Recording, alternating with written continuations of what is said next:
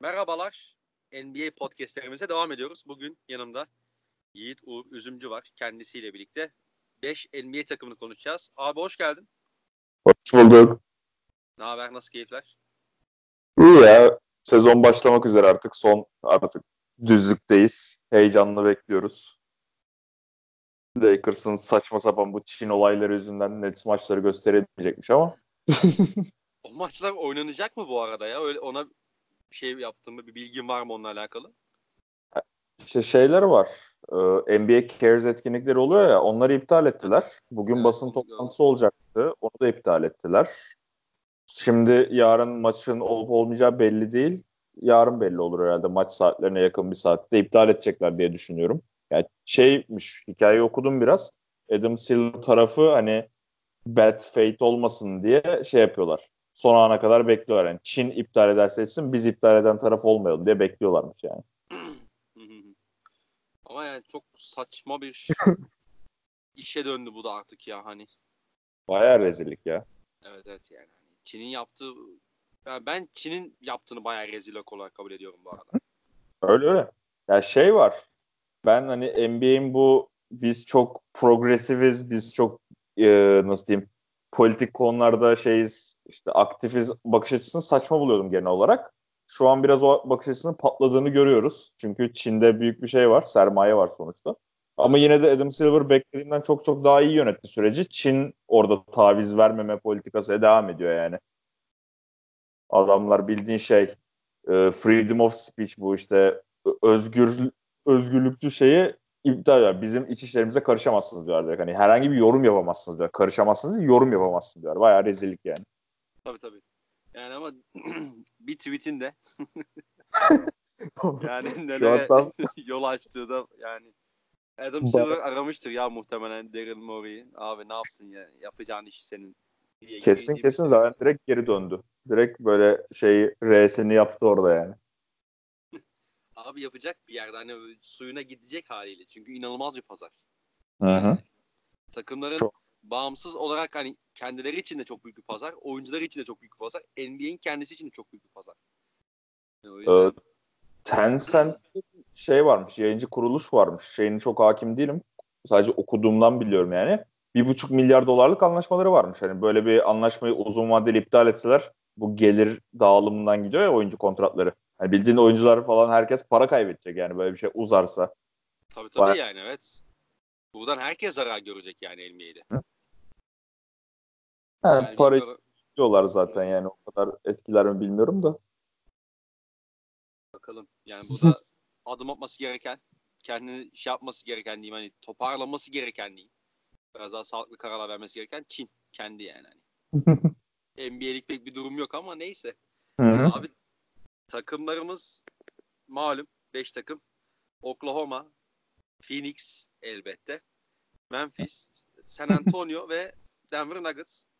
Ee, istersen OKC ile başlayalım. Olur. OKC çok aslında dramatik bir e, off season geçirdi. Ee, özellikle playoff serisinin, Portland serisinin bitişi itibariyle onun son saniyede Lillard'ın e, bizim evden yolladığı üçlükle o seri düşmesi. Onun dışında yani seri bu arada şey yani salonda konuşuyorduk. Ben yollayacağım üçlü dedi hakikaten yani hani gösteriyordu zaten. Bas bas bağırıyordu ben buradan üçlük yollayacağım maçı kazanacağım diye. Neyse. Ee, onun dışında bir cumartesi sabahı Paul George'un Clippers'a takaslandığını öğrendik. Ve sonra da olaylar gelişti. Ama bunun bir de öncesi var. Hani Portland serisi ve Paul George'un takaslandığı ana kadar aslında o arada bir boşluk var ve o boşlukta da biz şu haberleri duyuyorduk. Ee, Clay Bennett yani kulübün sahibi Sam Presti'ye bunu ikinci defa söylüyor bu arada. Hani ilkini malum hatırlıyorsun 2012 yazı. Hı hı. Şey ödemek istemiyorum dedi. Bizi bir şekilde lüks vergisinin altına indir dedi. Ve bunun içinde hani OKC'nin o bu sezonki 2019 draft hakkı işte 21. sıra draft hakkını e, gönderebileceği yani yanında işte Adams'ı bir şekilde paketleyip e, salary dump yapmayı düşünebileceği söyleniyordu. Sanki şu anki oluşan e, ortam OKC için oluşan senaryo OKC için daha hayırlı oldu gibi. Sen ne diyorsun? Şimdi burada birkaç şey var. Birincisi ya uzun yani kısa vadeli başarılı olamayacak bir senaryoya doğru gidiyordu Oklahoma dediğin gibi. Kontratlar çok yüklüydü. Zamanında lüks vergisi vermekten kaçan bir takım sahibinin bu dönemde hele böyle tepeye oynaması soru işareti olan bir takım için lüks vergisi ödemesini beklemiyordu kimse ama hani ne yapacak ne yapacak derken ben böyle bir şey beklemiyordum. Yani böyle büyük çaplı bir nasıl diyeyim rebuilding'e girmesini beklemiyordum takımın.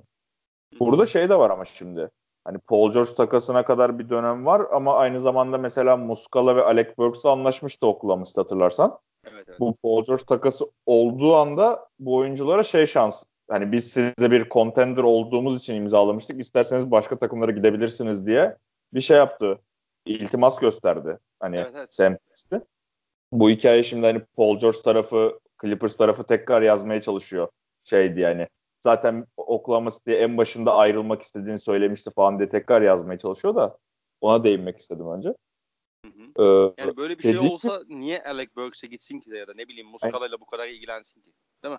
Ya, Baktığın zaman. böyle bir iltimas tanısı hani biz sizle başka bir yapı için anlaşmıştık demezsin o zaman. Biz zaten rebuilding için planlıyorduk diye düşünerek öyle devam ederdi. Ama bildiğin Aynen. biz sizi kandırmak istemiyoruz. Siz hani eğer tepeye oynayacak bir takıma gitmek istiyorsanız gidin tarzı bir şey dediler yani. Tabii tabii. Hani bakın Uzun- bizim yolumuz değişti, planımız değişti. Hı hı. Sizin de planlarınızda bir değişiklik varsa bizi biz sizi hiç tutmayalım dediler ve Alec Burks de Golden State'le imzalamaya karar verdi. E, Muscala kaldı. E, Aynen. Peki sen şeyi nasıl değerlendiriyorsun? Yani yapılan 3 tane takas var. Sen o takasları e, tek tek nasıl değerlendiriyorsun mesela? Paul George takasına bakarsak çok çok başarılı bir takas olduğunu düşünüyorum. Hı hı. Çünkü hani ne kadar bu sene de hani yeniden yapılanma planı olmuyor gibi görsek de uzun vadeli bir başarı da dediğim gibi daha önce hani yani kısa vadeli bir başarı olmayacağı için ya olma ihtimali düşük olacağı için böyle bir Paul George karşılığında paket almak çok başarılı bir hamleydi. Ve bu hamleyi değerlendirirken ben mesela şeylere bakmayı sevmiyorum. Draft sonucunda genelde kötü şeyler oluyor. Yani mesela tüm draft taklarını kullandığında o sonuca baktığında Paul George değerinde bir adam alamama ihtimalin var. Ama o draft taklarını bence Presti paketleyerek hani böyle bir ara bir yıldız boşa çıkacağı zaman mesela Bradley Bill gibi bir adam boşa çıkacağı zaman bak benim elimde böyle bir draft paketi var diye üzerine atacağını tahmin ediyorum Oklahoma City'nin. Bu açıdan çok başarılı. İki Galinari'yi aldınız. Galinari takaslanabilecek bir parça. Ve şey Gilgis Alexander gibi hani benim böyle çok şey yapmadığım, kabarmadığım ama yine de playofflarda da iyi bir performans gösteren ve bu yüzden de potansiyel olan bir genç oyuncu aldınız. Hı hı. Yani o takası Oklahoma açısından çok beğendim. Chris Paul takasına gelirsek o Oklahoma City Thunder'ın nedeni olan oyuncu neredeyse. Öyle bakıyorum ben o sürece. Bilmeyenler için zamanda New Orleans'ta bir kasırga olmuştu. O kasırgadan sonra New Orleans şehri çok e, ha- hasar gördüğü için stadlı dahil Oklahoma'ya taşınmıştı bir buçuk sene falan. İki New sene Orleans. yakın oynadılar galiba OKC'de. İki sene kadar Zaten oynadılar sanırım. Oklahoma City Thunder'ın oluşmasını sağlayan da o dönemde taraftarın o e, takıma OKC terlik yani Hornets ya da işte New Orleans Hornets'e gösterdiği ilgiydi aslında. Hı hı. Ve abi, devam et. Onu eklemek istedim sadece. aynen. Ve hani o adam geri döndü şu an Oklahoma'ya Chris Paul. Burada draft haklarını yani Westbrook gibi bir kontrattan çıkar çıktığınızı düşünerek bakıyorum burada. O kontrattan çıkarken üstüne draft hakları almanız büyük bir başarı yine. Çok iyi kullandı Sam Presti bu kozunu. Hı hı. Hani çünkü ne bileyim şu an Westbrook'tan biz çıkmak istiyoruz dediğinde sana genç oyuncu draft hakkı verecek takım yoktu büyük olasılıkla. Yani ben en azından göremiştim. Miami olasılığı vardı bir tek sanırım. Onun Yani dışında Miami çok yazılıp çizilmişti. Bir Minnesota girer mi diye beklenildi. aynen. Miami'ydi yani asıl mesele. Ama Miami'de çok böyle hani onlar da Westbrook'u bir yük olarak görmeye çalışıyorlar. Hani ya tamam biz Westbrook alalım da siz de bizim atıyorum işte 2023 draft hakkımızı bize gönderin. Ya da işte atıyorum 2021'i lotarya korumalı yapalım falan dönüyordu. Ya da işte tam tersi yani neyse. Ama onlar böyle bir bir ne derler ona bir yük olarak yapma, e, o ayağa yatmaya çalışıyorlardı ama Sam Presti ona gelmedi. Ee, ve Chris Paul takasını yaptılar. Ben hiç beklemiyordum bu arada böyle bir takası ya. Ya ben de hiç beklemiyordum. Ben ama Paul George takı yani sonuç olarak bu süreci hem Sam Presti çok iyi yönetti hem de Sam Presti'nin anlaşmaya çalıştığı genel menajerler iyi yönetti diyebiliriz. Paul George takasını hiç beklemiyordum zaten. Paul George olduktan sonra Westbrook nereye gidecek? Bunu bekliyorduk. Ama yine Houston'ın da Westbrook'a çok halleneceğini düşünen kimse olmadığı için hani bu takas da sürpriz olmuştu baya. Ya şöyle o zamanlar işte Westbrook takası gerçekleşmeden birkaç gün önce işte bir haber çıkmıştı. Yani tamam yani Houston ilgileniyor ama bu hakikaten çok uzun bir şey onlar için. Ee, uzun bir yol yani zor bir yol tarzında bir haber çıkmıştı. Birkaç gün sonra da takas gerçekleşti. Ee, enteresan ama. Yani şey orada ya OKC muhtemelen şunu yaptı. Ya biz Chris Paul'u tamam alalım. Ya, ya şöyle onu toparlayayım. Muhtemelen Westbrook dedik ya babalar siz Houston'da bu takas yapabiliyorsanız yapın ben Houston'a gideyim dedim. Sam Presti de ona da kıyak geçti diye düşünüyorum ben. Hı hı. Onun dışında bir de yani Houston bu iş yapacaksa ya üçlü bir takım takas olacaktı. Üç takımlı bir takas olacaktı ve Chris Paul'u başka bir yere gönderip Westbrook'u alacaktı ve e, ya da direkt OKC ile bir takası girecekti ama o da OKC'nin Chris Paul'u alabileceğini ben hiç düşünmüyordum. Yani alacağını hiç düşünmüyordum. Dolayısıyla da hani OKC'de muhtemelen Sam Presti dedik yani bak ben sana Westbrook'u veriyorum. Chris Paul gibi her sene 20 maç 30 maç kaçıran ve artık e, prime'ından çok uzak olan adamı da alıyorum. Ama sen de bana şu draft haklarını, şu swap haklarını ver demiş. Ve e, hakikaten de bence başarılı bir takas yaptı. Hı hı. Çünkü Chris Paul'un sezon içerisindeki performansına tabii ki bağlı olarak da göründüğü kadar şey yapmayabilir hani OKC. Şöyle söyleyeyim.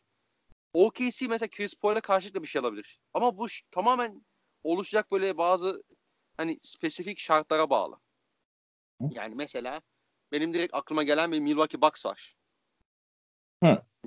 Diyelim ki belki bu sezon içinde olmaz. Ama diyelim ki Chris Paul bu sezonun sonuna kadar OKC'de kaldı ve fena da olmayan bir performans sergiledi. Bucks da yine Eric Bledsoe'ya takıldı. Bucks şunu yapabilir mi acaba? Mesela Yannis'in kontrat sezonu geliyor.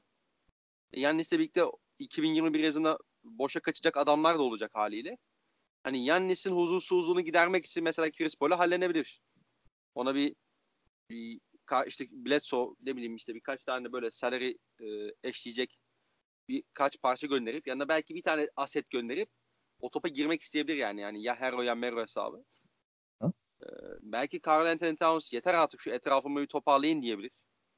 Ee, Minnesota belki bu topa girebilir Towns'u kaybetmemek için. Hani bunun birkaç tane böyle çıkış yolu var gibi. O yüzden mesela ben bizim beklememizi de çok doğru buluyorum. Çok doğru bir stratejiydi bence. Hı hı. Şu an zaten işte Miami ile o Chris Paul'u takaslayabileceğiniz üzerine bayağı senaryo vardı. O senaryolarda da hani daha önce dediğin gibi Miami şey yaptı yine hani biz hani Chris Paul'un kontratını üzerimize alıyoruz. O yüzden aset vermeyeceğiz modunda tuttukları için doğal olarak hani evet. şey yapıyor şu an. Orada bir e, anlaşmazlık oldu ve kaldı ama ben mesela şey zamanı bekliyorum ya. Böyle Şubat zamanı Miami takasının olabileceğini düşünüyorum. Hatta Şubat'a kalmayabilir bile. Benim ya, senaryom o. Şeye çok bağlı bu arada. Hani Winslow geçen sene çok olumlu sinyaller verdi bu konuda ama bir bunu ne kadar devam ettirecek? İki Dragic ne durumda olacak? Aynen. Bunlar tabii ki Miami'nin sonuçlarını direkt etkileyecek faktörler. Ve de ki, tabii ki asıl mesele Chris Paul ne durumda olacak? Hani Aha. Chris Paul senin attığın bir e, istatistik vardı hatırlarsan. Orada şey diyordun işte hani Harden'lı ve Harden'sız dönemler diye. Hani hakikaten Harden'sız dönemlerde o dakikalardaki performansına yaklaşabilirse o oranda olmasa bile hani hala çok iyi bir seviyede olduğunu gösterirse Chris Paul böyle bir yük olmaktan çıkıp ya acaba bu adamın cebinde daha bir senesi daha fazla var mı? Bizi bir üst seviye çıkarır mı? E, algısını e, yerleştirebilir yani. E, ya da böyle, böyle bir algı, böyle bir düşünce oluşabilir. Diğer takım e, genel menajerlerin kafasında. Ben oluşabileceğini düşünüyorum direkt. Çünkü Chris Paul normal sezonlarda bu algıyı oluşturuyor. Aha o sene bu sene algısını oluşturabilen bir oyuncu. Ben Chris Paul'un asıl dezavantajı 70-80. maça geldiğinde vücudunun artık o sezon temposunu kaldıramıyor olması her zaman. O yüzden ben Chris Paul'un sezona çok iyi gireceğini düşünüyorum ve hani bir anda bir de şeye de bağlı biraz. Miami açısından bakıyorum şu an tabii sadece bu iki takas yani bu iki takım arasındaki takasa bakıyorum. Miami biraz sezona iyi başlarsa acaba Chris Paul'u alıp tepeye oynayabilir miyiz sorusunu sorarlarsa yaparlar o takası. Tabii. Tabii. Ama OKC için anla, sanırım e, Miami'nin kötü başlaması daha iyi olacaktır. Yani eğer o da Butler'ı bir de huzursuzluk çıkartabilirse. Aynen. O açı da var tabii. Butler açısı her zaman önemli. Dolayısıyla hani Chris Paul o da yani bekle şu anda OKC'nin bekliyor olması çok doğru bir strateji. Onu tekrarlayayım. Ee, Sam Presti'nin bu off season'ı gayet başarılı geçirdiğini düşünüyorum ben.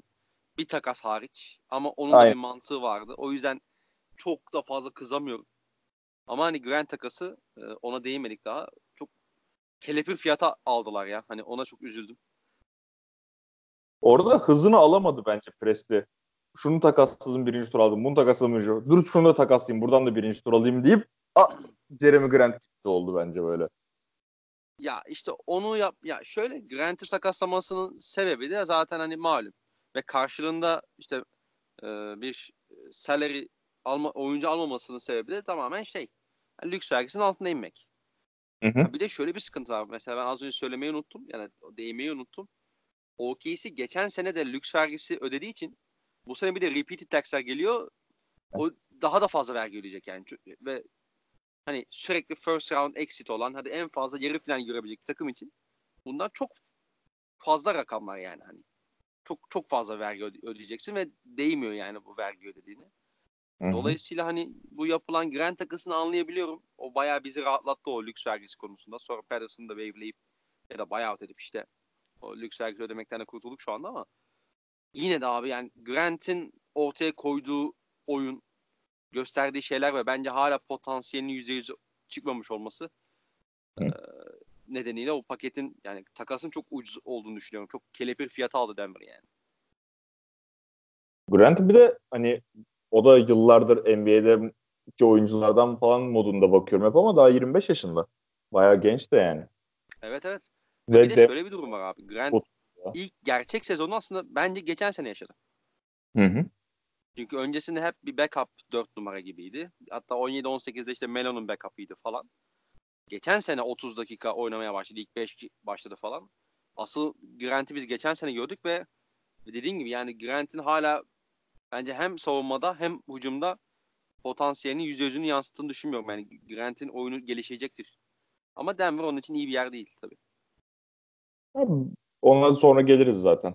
Tabii az sonra Denver'a geçeriz. Peki sen bu sene takımdan ne bekliyorsun? Yani oyun anlamında ne bekliyorsun? Ee, Westbrook yerine Chris Paul'u aldığın zaman bir kere zaten otomatikmen sen istesen de istemesen de bu takım tempo yapmamaya başlayacaktır. Hı hı. Ee, ama aynı zamanda o spacing problemlerini biraz daha az yaşayacaksın. Çünkü Galinari gibi, şey Gilles Alexander gibi gayet iyi. Hani şey Gilles Alexander geçen sene ortalama bir sezon geçirdi ama playoff'ta işte %50 ile attı yay gerisinden. İşte Galinari %40'larla attı vesaire bütün sezon zaten. Chris Paul'un kendi de çok iyi bir orta mesafeci olduğu için en azından hani 3 sayısı ortalama olsa da OKC o spacing problemlerini biraz daha az yaşayacak gibi duruyor. Ama bu sefer de tempo yapamayacak. Özellikle Chris Paul sahadayken. Ee, sen neler bekliyorsun? Bu takım sağlıklı kalabilirse ki çok ciddi bir soru işareti bu. ee, takımı nerede görüyorsun Batı'da? Şimdi burada bakacağımız yani ilk şey zaten sağlık ama hani sağlık kısmını geçelim. Ee, İlk beşiniz bence kaliteli ve oturuyor parçalar birbiriyle dediğin gibi. Chris Paul ve şey Gilgis Alexander 1-2 numara olarak e, ikili ikisi de top yönlendirebilen ama ana top yönlendirici tabii Chris Paul olacak. Hani böyle bir şey var. Dediğin gibi spacing problemi çekmeyeceksiniz. Eskisi kadar Galinari iyi bir şutör. Gilgis Alexander geliştiriyor. Chris Paul hani boş üçlük, yani boş kaldığında üçlükleri de sokuyor. Orta mesafe zaten elit. Ee, burada bir 3 numara biraz daha soru işareti oluyor. Öyle Terence Ferguson mı atacaksın hücum açısından? Andre Robertson mı atacaksın biraz daha savunma açısından? O Robertson da acaba dönecek mi tabii o kısmı da bilmiyorum.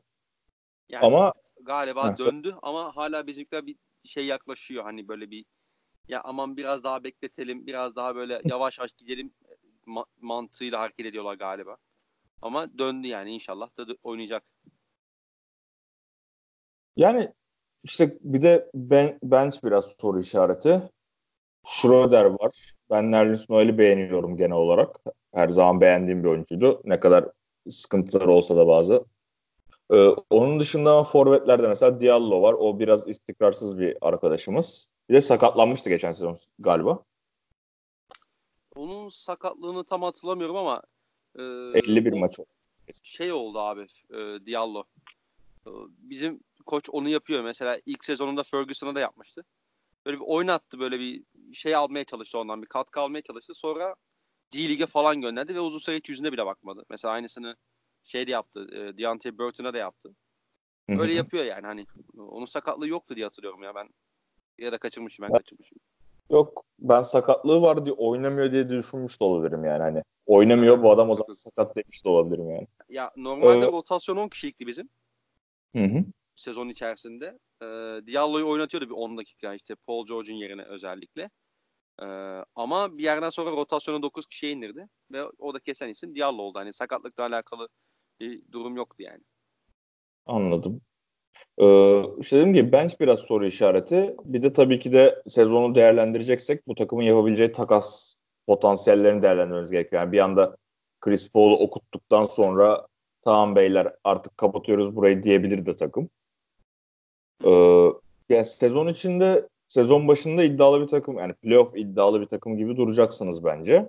Sezon yani ilerledikçe biraz daha e, böyle daha onlara doğru düşeceğinizi tahmin ediyorum. Yani benim beklentim o Oklahoma City'den. Burada tabii şimdi bir de şey de var. Galinari mesela ilk uzun süredir ilk sağlam sezonunu yaşadı Clippers'ta geçen sezon. Hatta Hı. çok net hatırlıyorum işte o ötekilerde konuşardı. Galinari bu sezon da sakatlanacak, bu sezon da sakatlanacak diye diye herife sağlıklı sezon yaşattılar. Benim onadan bir taktik almam lazım ya. Bu yayından sonra. o yüzden hani Galinari'nin de sakatlık şüpheli. Yani kariyeri boyunca hep sakatlık problemleri yaşamış bir adam. Chris Paul öyle. O yüzden hani ne bileyim sakatlıkta dediğim gibi değerlendirmeyi sevmem ama burada bir şey olacak. Hani konuşurken Oklahoma City biraz sakatlık konuşmamız gerekiyor gibi. Aynen öyle. Benim Galinari ile alakalı böyle daha pozitif düşünmemi sağlayan da senin az önce söylediğin gibi geçen sezonun sağlıklı geçirmesi ve Galinari'nin artık son ciddi kontratını alacak olması. Yani kontrat sezonu girdi biliyorsun zaten. Hı. Ve Aynen. kontrat sezonu girmiş oyuncu abi oynar. Elinden geleni fazlasını yapar. Hele bir de biz Galinari'yi böyle bir playoff yarışında olan hatta orada işte bir tur iki tur geçme hayali olan bir takıma gönderirsek işte mesela Portland olabilir. Tam onu Oradan... düşünüyordum. yani hakikaten Portland'ın orada bir eksiği var zaten. Hani Galinari'de o da işin ucum sahasında en azından hani çok katkı verebilecek de bu oyuncu. Ucu, iyi de oturuyor. Ee, bir anda Gallinari o da şey düşünüyor. Yani ben Portland'a kapağı atsam işte oradan çok iyi bir playoff performansı göstersem oradan 3 yıllık atıyorum yani işte 3 yıl 60 milyonu kapabilir miyim? Düşüncesinin olacaktır elbette ya da başka bir takımda. Ee, o yüzden hani Gallinari sağlıklı kalmak için bence elinden geleni yapacak. Belki savunmada biraz aksayabilir bu Hı-hı. noktada. Ama e, bizim de zaten asıl amacımız o Gallinari bir şekilde bozdurabilmek first round'da. Onu da yapabileceğimizi düşünüyorum. Yani Galinari sağlıklı kalırsa. Ben net Galinari'den bir ilk tur çekebileceğinizi düşünüyorum yani Galinari takasıyla. Ve aklıma ilk gelen takım da Portland'da bu konuda. Çünkü dediğin gibi 3-4 pozisyonlarında bariz açıkları var. Hani ve hatta bunu devletle yaptığımız kayıtta devletin önerdiği bir takası galiba bu ya. Yanlış hatırlamıyorsam.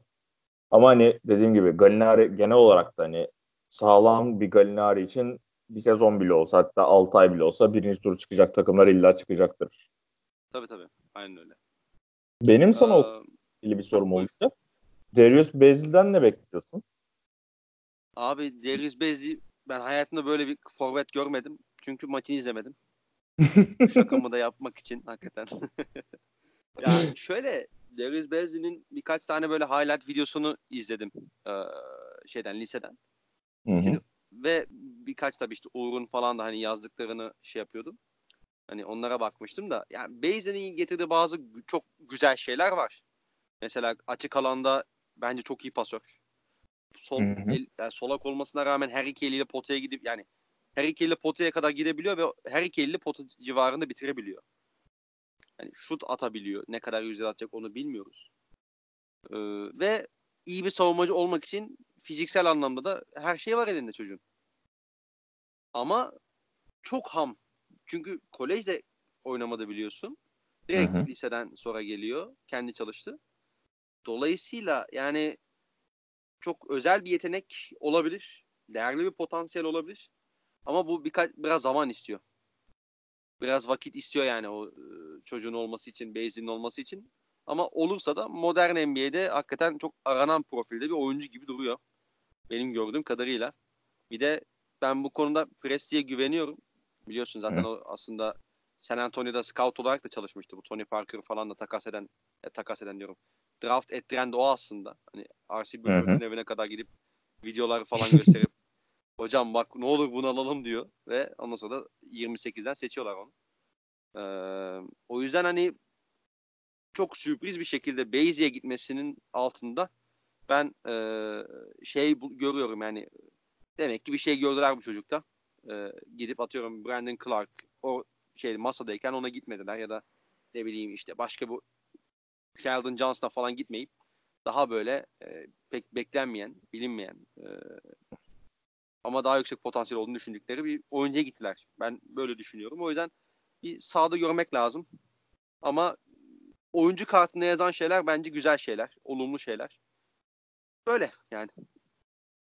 Bakalım ben merak ediyorum çünkü dediğin gibi o Darius Bazley'nin hikayesi de şu.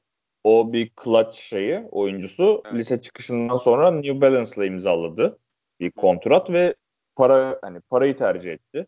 Kolejde bir sene geçirip hani hiç para kazanmayıp şey yapmak yerine drafta girmek yerine bir sene kendisi çalıştı ve aynı zamanda iş öğrendi biraz da anladığım kadarıyla. Hı hı. Ee, ama ondan önce top 10 prospect falan olabilir yani tam hatırlamıyorum şu anda hani üst düzey prospect olarak gözüken bir adamdı. Oralara, oralara kadar düşmesi tek nedeni de kolejde oynamamasıydı. Bir de. Oklahoma City hep böyle sever atlet adamları, atlet forvetleri seçmeyi. O yüzden merak ediyorum ya. Onu işleyebilecek misiniz diye. Bir de bak mesela e, Beasley seçimi bana şeyi de kanıtlıyor bence. Hani ben o da Beasley seçimini gördükten sonra şey dedim. Biz Paul George ve Westbrook sonrasının hazırlığını yapıyoruz. Hı hı. Yani e, pardon. Yani bu da şeyin kanıtı bence. Chris e, Paul George muhtemelen hani Clippers tarafının söylediği gibi se- takasını Portland serisinden sonra istemedi. Hakikaten böyle bir Kawhi ile oturdular konuştular ve o dönem istedi. Yani 7. ayın başında her şey gerçekleşti. Bence bunu da kanıtlayan bir seçimdi diye düşünüyorum. Ya da destekledi yani en azından bu görüşümü. Hı hı. Ee, bakalım.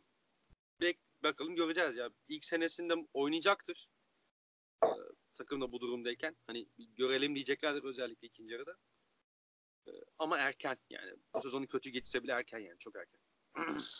Senin Oklahoma'dan beklentini bu sezon için?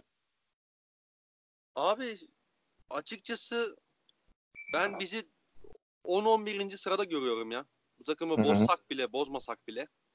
Oralarda olacağız yani. Bir yere kadar muhtemelen kovalarız.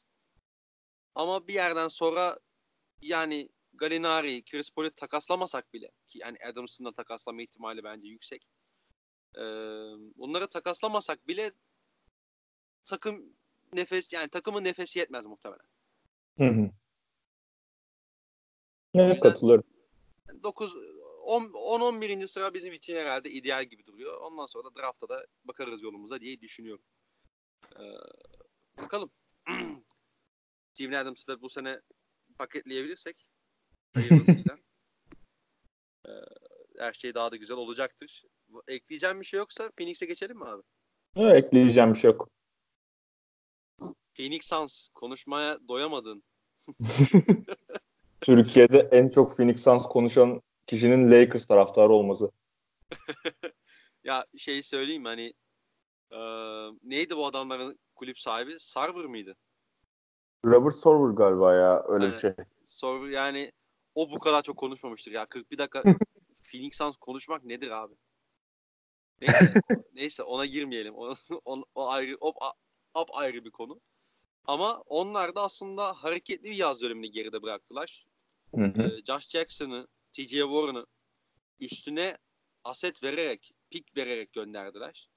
Biliyorsun. Daha Aynen. sonrasında 6. sıra draft hakkını Şaric artı Cameron Johnson'a çevirdiler. Benim yine çok anlayamadığım bir hamleydi. Ama bir Ricky Rubio hamlesi geldi onlardan. 3 yıl 51 milyon dolarlık bir kontratla Ricky Rubio'yu kadrolarına kattılar. Şu an yani Phoenix'le alakalı benim olumlu konuşabileceğim tek hamle oydu. Çünkü Devin Booker'ın yanına çok net e, asıl olayı, e, asıl odak noktası savunma ve e, oyun kurmak olan bir oyun kurucuya ihtiyaçları vardı. Bir, bir numaraya ihtiyaçları vardı. Ricky Rubio da getirdiği bütün defolarına rağmen bunları iyi yapan bir oyuncu. Gayet iyi pasör zaten. Hı hı. E, sen total bak totale baktığın zaman yani Phoenix Suns'ı nasıl değerlendiriyorsun yaz dönemini, off season'ını? Ve bu sezon neler bekliyorsun? Yani bir sıçrama yapabilirler mi? Playoff yapmasalar bile hani 10 11. ya da 9. falan olma ihtimalleri var mı yoksa aynen devam mı olurlar? Abi şimdi öncelikle şey Ricky Rubio hamlesini ben de beğenen kısımdayım. Bir de Aaron Baines'i çekmelerini de ben beğendim şahsen. Hı hı. Aaron Baines de hem yedek bir pivot olarak hem de ben bundan biraz bahsediyordum. Hatta Phoenix subredditine falan yazmıştım. DeAndre Ayton'u 4 numara olarak düşünür müsünüz Aaron Baines'in yanında hani savunma defolarını biraz daha kapatmak için. Çünkü Ayton kötü bir çember savunmacı. Hatta baya kötü bir çember savunucu ama o fiziğine göre ayakları çok hızlı bir oyuncu. Ve hani o yüzden ben izlediğim maçlarda ki geçen sezon Phoenix'i izledim yani baya.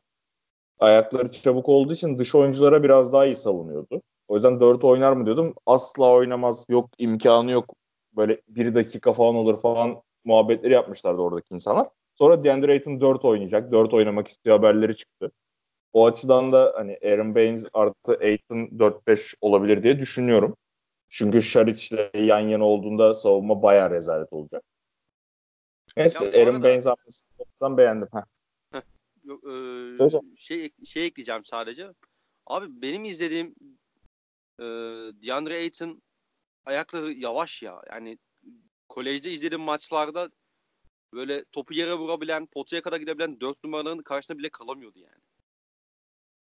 Ya şeyle alakalı bu Yani biraz. lateral hızı çok iyi Adam- değildi onu söyleyeyim.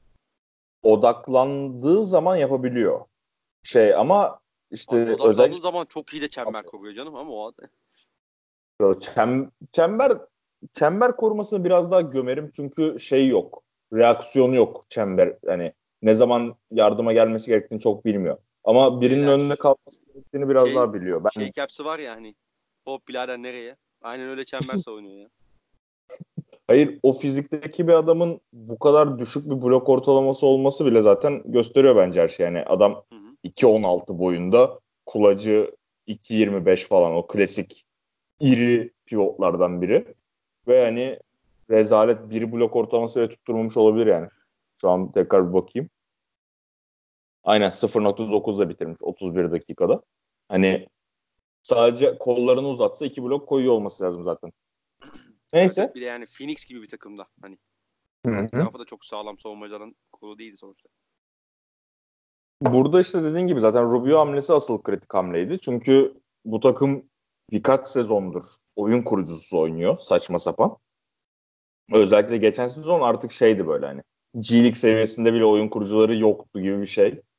İyice bokunu çıkarmışlardı. Ve Devin Booker'ı işte bu Harden rolüne sokmaya çalıştılar. O pasörlük konusunda biraz şey yapsa da o şut performans falan çok geriledi Devin Booker'ın geçen sezon. O rolleri üstlendikten sonra asıl rolüne döndüğünde Ricky Rubio'nun top yönlendirici, Booker'ın daha bitirici olduğu rolde Booker'ın yüzdeleri normalleşecektir. O 3. sezonda %38'de falan üçlük atıyordu. Sanırım o sezonda hatta All-Star'da üçlük şampiyon olduğu sezon. Çok artık All-Star takip etmediğim için hatırlamıyorum ama Booker'ın bir üçlük şampiyonluğu vardı diye hatırlıyorum. Yani onu şu anda hatırlayamadım ama olabilir. 2016 Neyse. o zaman. Neyse evet. Ee, o yüzden Booker'ın asıl seviyesini atlatacağını düşünüyorum Rubio hamlesinin. Ve Hı hı. Ee, dediğim gibi Aiton 4 oynarsa ben Aaron Baines 5, Aiton 4 senaryosunda olabileceğini düşünüyorum. Şariç hamlesini hiç beğenmemiştim genel olarak. Çünkü Aiton'un yanına koyacağın adam Şariç değil. Mesela hani mesela Jeremy Grant o adam anladın mı? Ama Şariç değil yani. Ee, Oubre'yi tuttular. Kelly Oubre'yi tutmaları da hoşuma gitti. Çünkü Kelly Oubre geçen sezon Phoenix'e geldikten sonra iyi bir performans göstermişti oyun iki tarafında da. Hem hücumda hem savunmada. Ee, yani bu takımda beğendiğim 2-3 oyuncu var işte. Kelly Oubre'yi beğeniyorum. Aiton'u beğeniyorum. Hani şey olarak, potansiyel olarak. Michael Bridges'i beğeniyorum. Devon Booker elit bir skorer zaten. Hı hı. Aynı zamanda Rubio gibi de bir oyun kurucu var. Hani fena bir çekirdekleri yok diyebiliriz ama işte bu Batı'da nereye koyacağımızı konuştuğumuzda biraz zorlanıyorum orada. Çünkü yani Batı'da bir tane takım var bence şey yapacak hani sezonun başından sonuna kadar ben tanklıyorum abi diyen bir takım var. O da Memphis Grizzlies bence. Onun dışında baktığımda Phoenix işte e, Booker'ı var sonuçta. Hani bir süper yıldız potansiyel oyuncusu var. Etrafına böyle e, nasıl diyeyim full genç bir kadro kurmadılar artık. Hani biz playoff hedefiyle çıkıyoruz diyecekler. Hani o olmayacak tabii ki de ama öyle diyen bir takımlar bunlar. Minnesota keza öyle. Hani takımları saymaya başladığında Phoenix kimi geçecek sorusunda çok cevap çıkmıyor. Hani aklıma çok takım gelmiyor. Hani Dallas sakatlıklar yaşarsa Dallas'ı geçerler belki. İşte Minnesota'da yine geçen sezonki gibi bir sezon geçirirlerse Wiggins yine saçmalamaya devam ederse falan filan. Orada artık Towns iyice somurtmaya başlarsa Minnesota'yı belki geçebilirler. Öyle öyle saydığımda çok takım gelmiyor abi aklıma. Cidden gelmiyor yani. O yüzden 13. 12. bitirirler max gibi geliyor Phoenix bana. Peki abi o zaman şu soruyu soracağım sana. Neden 6. sıra draft hakkını Cameron Johnson gibi yaşlı bir prospekte ve Dario Saric'e bozduruyorsun? Hiçbir fikrim yok. Gerçekten hiçbir fikrim yok. Çünkü bu takım oyun kurucu seçecek diye bekliyordum. Ben o şeyde tarihlerde şey dedim. İşte askerdeydim. Hı hı. O yüzden hani draftı takip edemedim. Draftta böyle herkesten SMS bekliyorum işte sıra draftları söyleyin falan diye. en anlamlandıramadığım o günkü en anlamlandıramadığım olay buydu. Hani 6 artı 6'yı 11 artı Şariç'e çevirmeleri. Ve Şariç'in Cidden... kontrat sezonuna geldim bu arada. Hani tutsam bir türlü tutmasam bir türlü. Ya bir de işte dediğim gibi sen Aiton'u birinci sıradan seçtin bir sezon önce. Bu adam senin net bir şekilde ana rotasyon oyuncun olacak. Kesin tartışmasız. Yani yeteneği de zaten öyle de hani sen bunu biliyorsun. Bu adamın yanına ne bileyim Şariç profilinde bir oyuncu almazsın ya. Biraz uzun vadeli düşünebiliyorsan. Ya Bilmiyorum. Evet, şimdi Şariç'in tabii getirdiği olumlu işler var da yani şey mi? Bu takımın ihtiyacı Şariç mi? Şariç ve Cameron Hı. Johnson mıydı yani? Hani Cameron Johnson'ı kes tamamen ayrı zaten. Cameron Johnson abi benim en son bıraktığımda ilk turda bile gözükmeyen bir adamdı. Hani Cameron Johnson seçebilirsin. Belki oyuncu beğeniyorsundur ve seçersin. Tamam buna asla şeyim olmaz da laf etmem de. Yani 11. sıra hakkını niye Cameron Johnson için harcıyorsun? Çünkü yani dediğim gibi draft sonuçta biraz şans işi. Şimdi Cameron Johnson 11'den seçilip çok iyi performans gösterebilir ama draftta sen o adamın değeri 40'ta gözüküyorsa bu adamı 30'da seçersin anladın mı? 11'den seçmezsin. O yüzden hiç anlamlandıramadım ya. Ya bir de şey de var. Hani şimdi senin takımında ne eksik abi? Şut atabilen, savunma yapabilecek olan, e, topu yere vurabilecek bir forvet eksikliğin de var değil mi senin? Hani Michael Bridges önemli. Yani iyi bir oyuncu ben seviyorum da. Kelly herkes öyle ama ya bu kadar yani hani zaten Johnson'ı da gönder şey Josh Jackson'ı gönderdin. İşte TJ Warren'ı gönderdin falan filan. Orası zaten bir açık, orada bir açıklık var, boşluk var. Abi kal kalmış yani potansiyel olan. iyi bir tamamlayıcı parça olabilecek. Savunma potansiyeli yüksek olan. Hücumda da bir şeyler katabilecek bir forvet kalmış o da. Mesela neden ona gitmiyorsun? Ya da hadi belki Rubio ile önceden anlaştığın için o topa girmedin ama ya mesela neden Kobe White'a girmiyorsun sen? İlginç ya. Bilmiyorum İlginç, bu hakikaten şey. ilginç. Ben onu çok çözemedim. Ee... Ama bak şey aklıma geldi draft konuştuktan sonra. Ben onların 24 ya da 25'ten e, oralardan seçmişler. Ty Jerome'u şey kolejde bu March Madness'ı bayağı yakından takip etmiştim. Ty Jerome'u çok beğenmiştim. Hı. O tercihlerini de beğendim hani. Ty Jerome tercihini de beğendim. Onun da bir potansiyel olduğunu düşünüyorum böyle yedek guard olarak. Hem top yönlendirebilen hem şut sokabilen bir guard. Ondan da biraz bahsedeyim. Yani öyle. Onun dışında Frank Kaminsky aldılar. Rezalet bir hamle. Aa niye öyle diyorsun abi? Charlotte geçen sene Batum'un kontratı yanında hani o, o kontratı daha cazip hale kılmak için, daha cazip hale getirebilmek için e, Kaminski'den vazgeçebileceği konuşuluyordu. Niye öyle diyorsun? Vazgeçmek. Kamin. Abi. Oy oy. O yana Neyse ki- Ondan sonra Charlotte niye bu durumda? Neyse. Neyse ki Marken'ın çıktı da böyle şey stereotip oturmadı. Beyaz uzunların hepsi rezalte stereotipi Kaminski ile bitebilirdi. Marken'ın gibi bir adam çıktı da Allah'tan o şey beyaz uzunların adını korudu. Evet evet evet. Neyse. Kaminski'yi aldılar. O da çok dediğin gibi benim de pek anlamlandıramadım. Ama e, ya şöyle Kaminski'yi anlarım abi. Hani minimuma geldi değil mi Kaminski? Ha minimum öyle bir şey. Ya bak deneme yanılma olarak bak onu anlıyorum bak ona okeyim ben. Deneme yanılma dene deneyelim ha, tutmazsa tutmaz tamam yapacak bir şey yok. Hı. Onu anlıyorum ama yani hakikaten bak dönüp dolaşıp şeye geliyorum abi 6. sırayı yani niye Cameron Johnson adlı Şariç'e bozuyorsun ki sen ya? Yani Minnesota sana bunu mu teklif etti? Yani en fazla bunu mu çıkarız dedi de sen bunu kabul ettin yani. Hani trade down yapacaksan bile. Ya da takımın ihtiyacı bu muydu da sen bunu yaptın abi? Hayır yani anlayamıyorum. Hakikaten anlayamıyorum ya.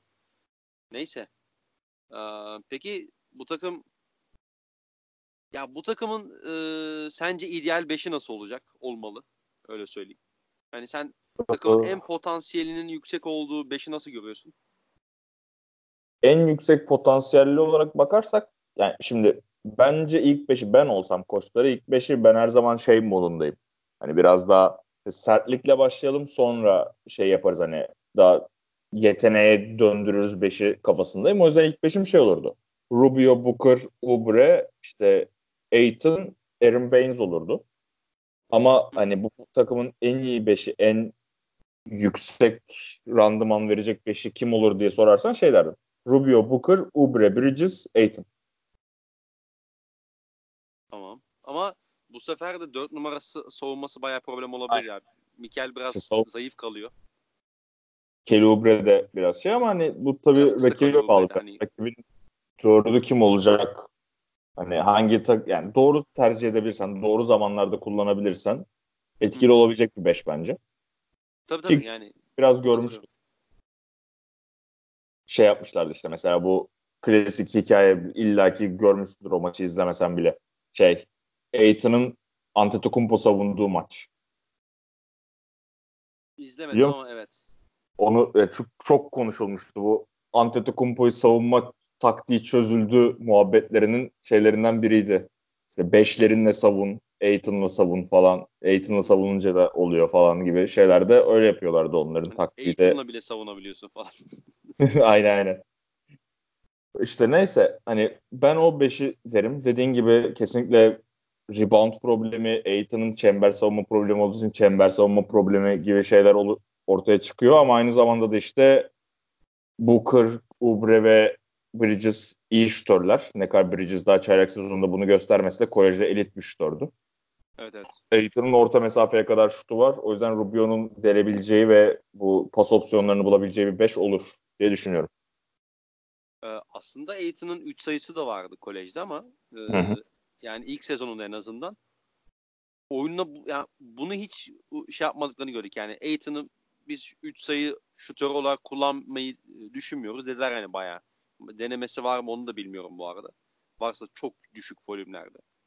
Ee, ama Baines'le oynadıkları bir 5'te sanırım biraz daha o şutlara bi- biraz daha böyle yeri geldiğinde köşeye çekilip 4 numara gibi hani e, alan açan 4 numara gibi oynamak zorunda kalabilir. Hani Baines de atıyor ama ne kadar güvenebilirsin Baines'e o da ayrı bir konu.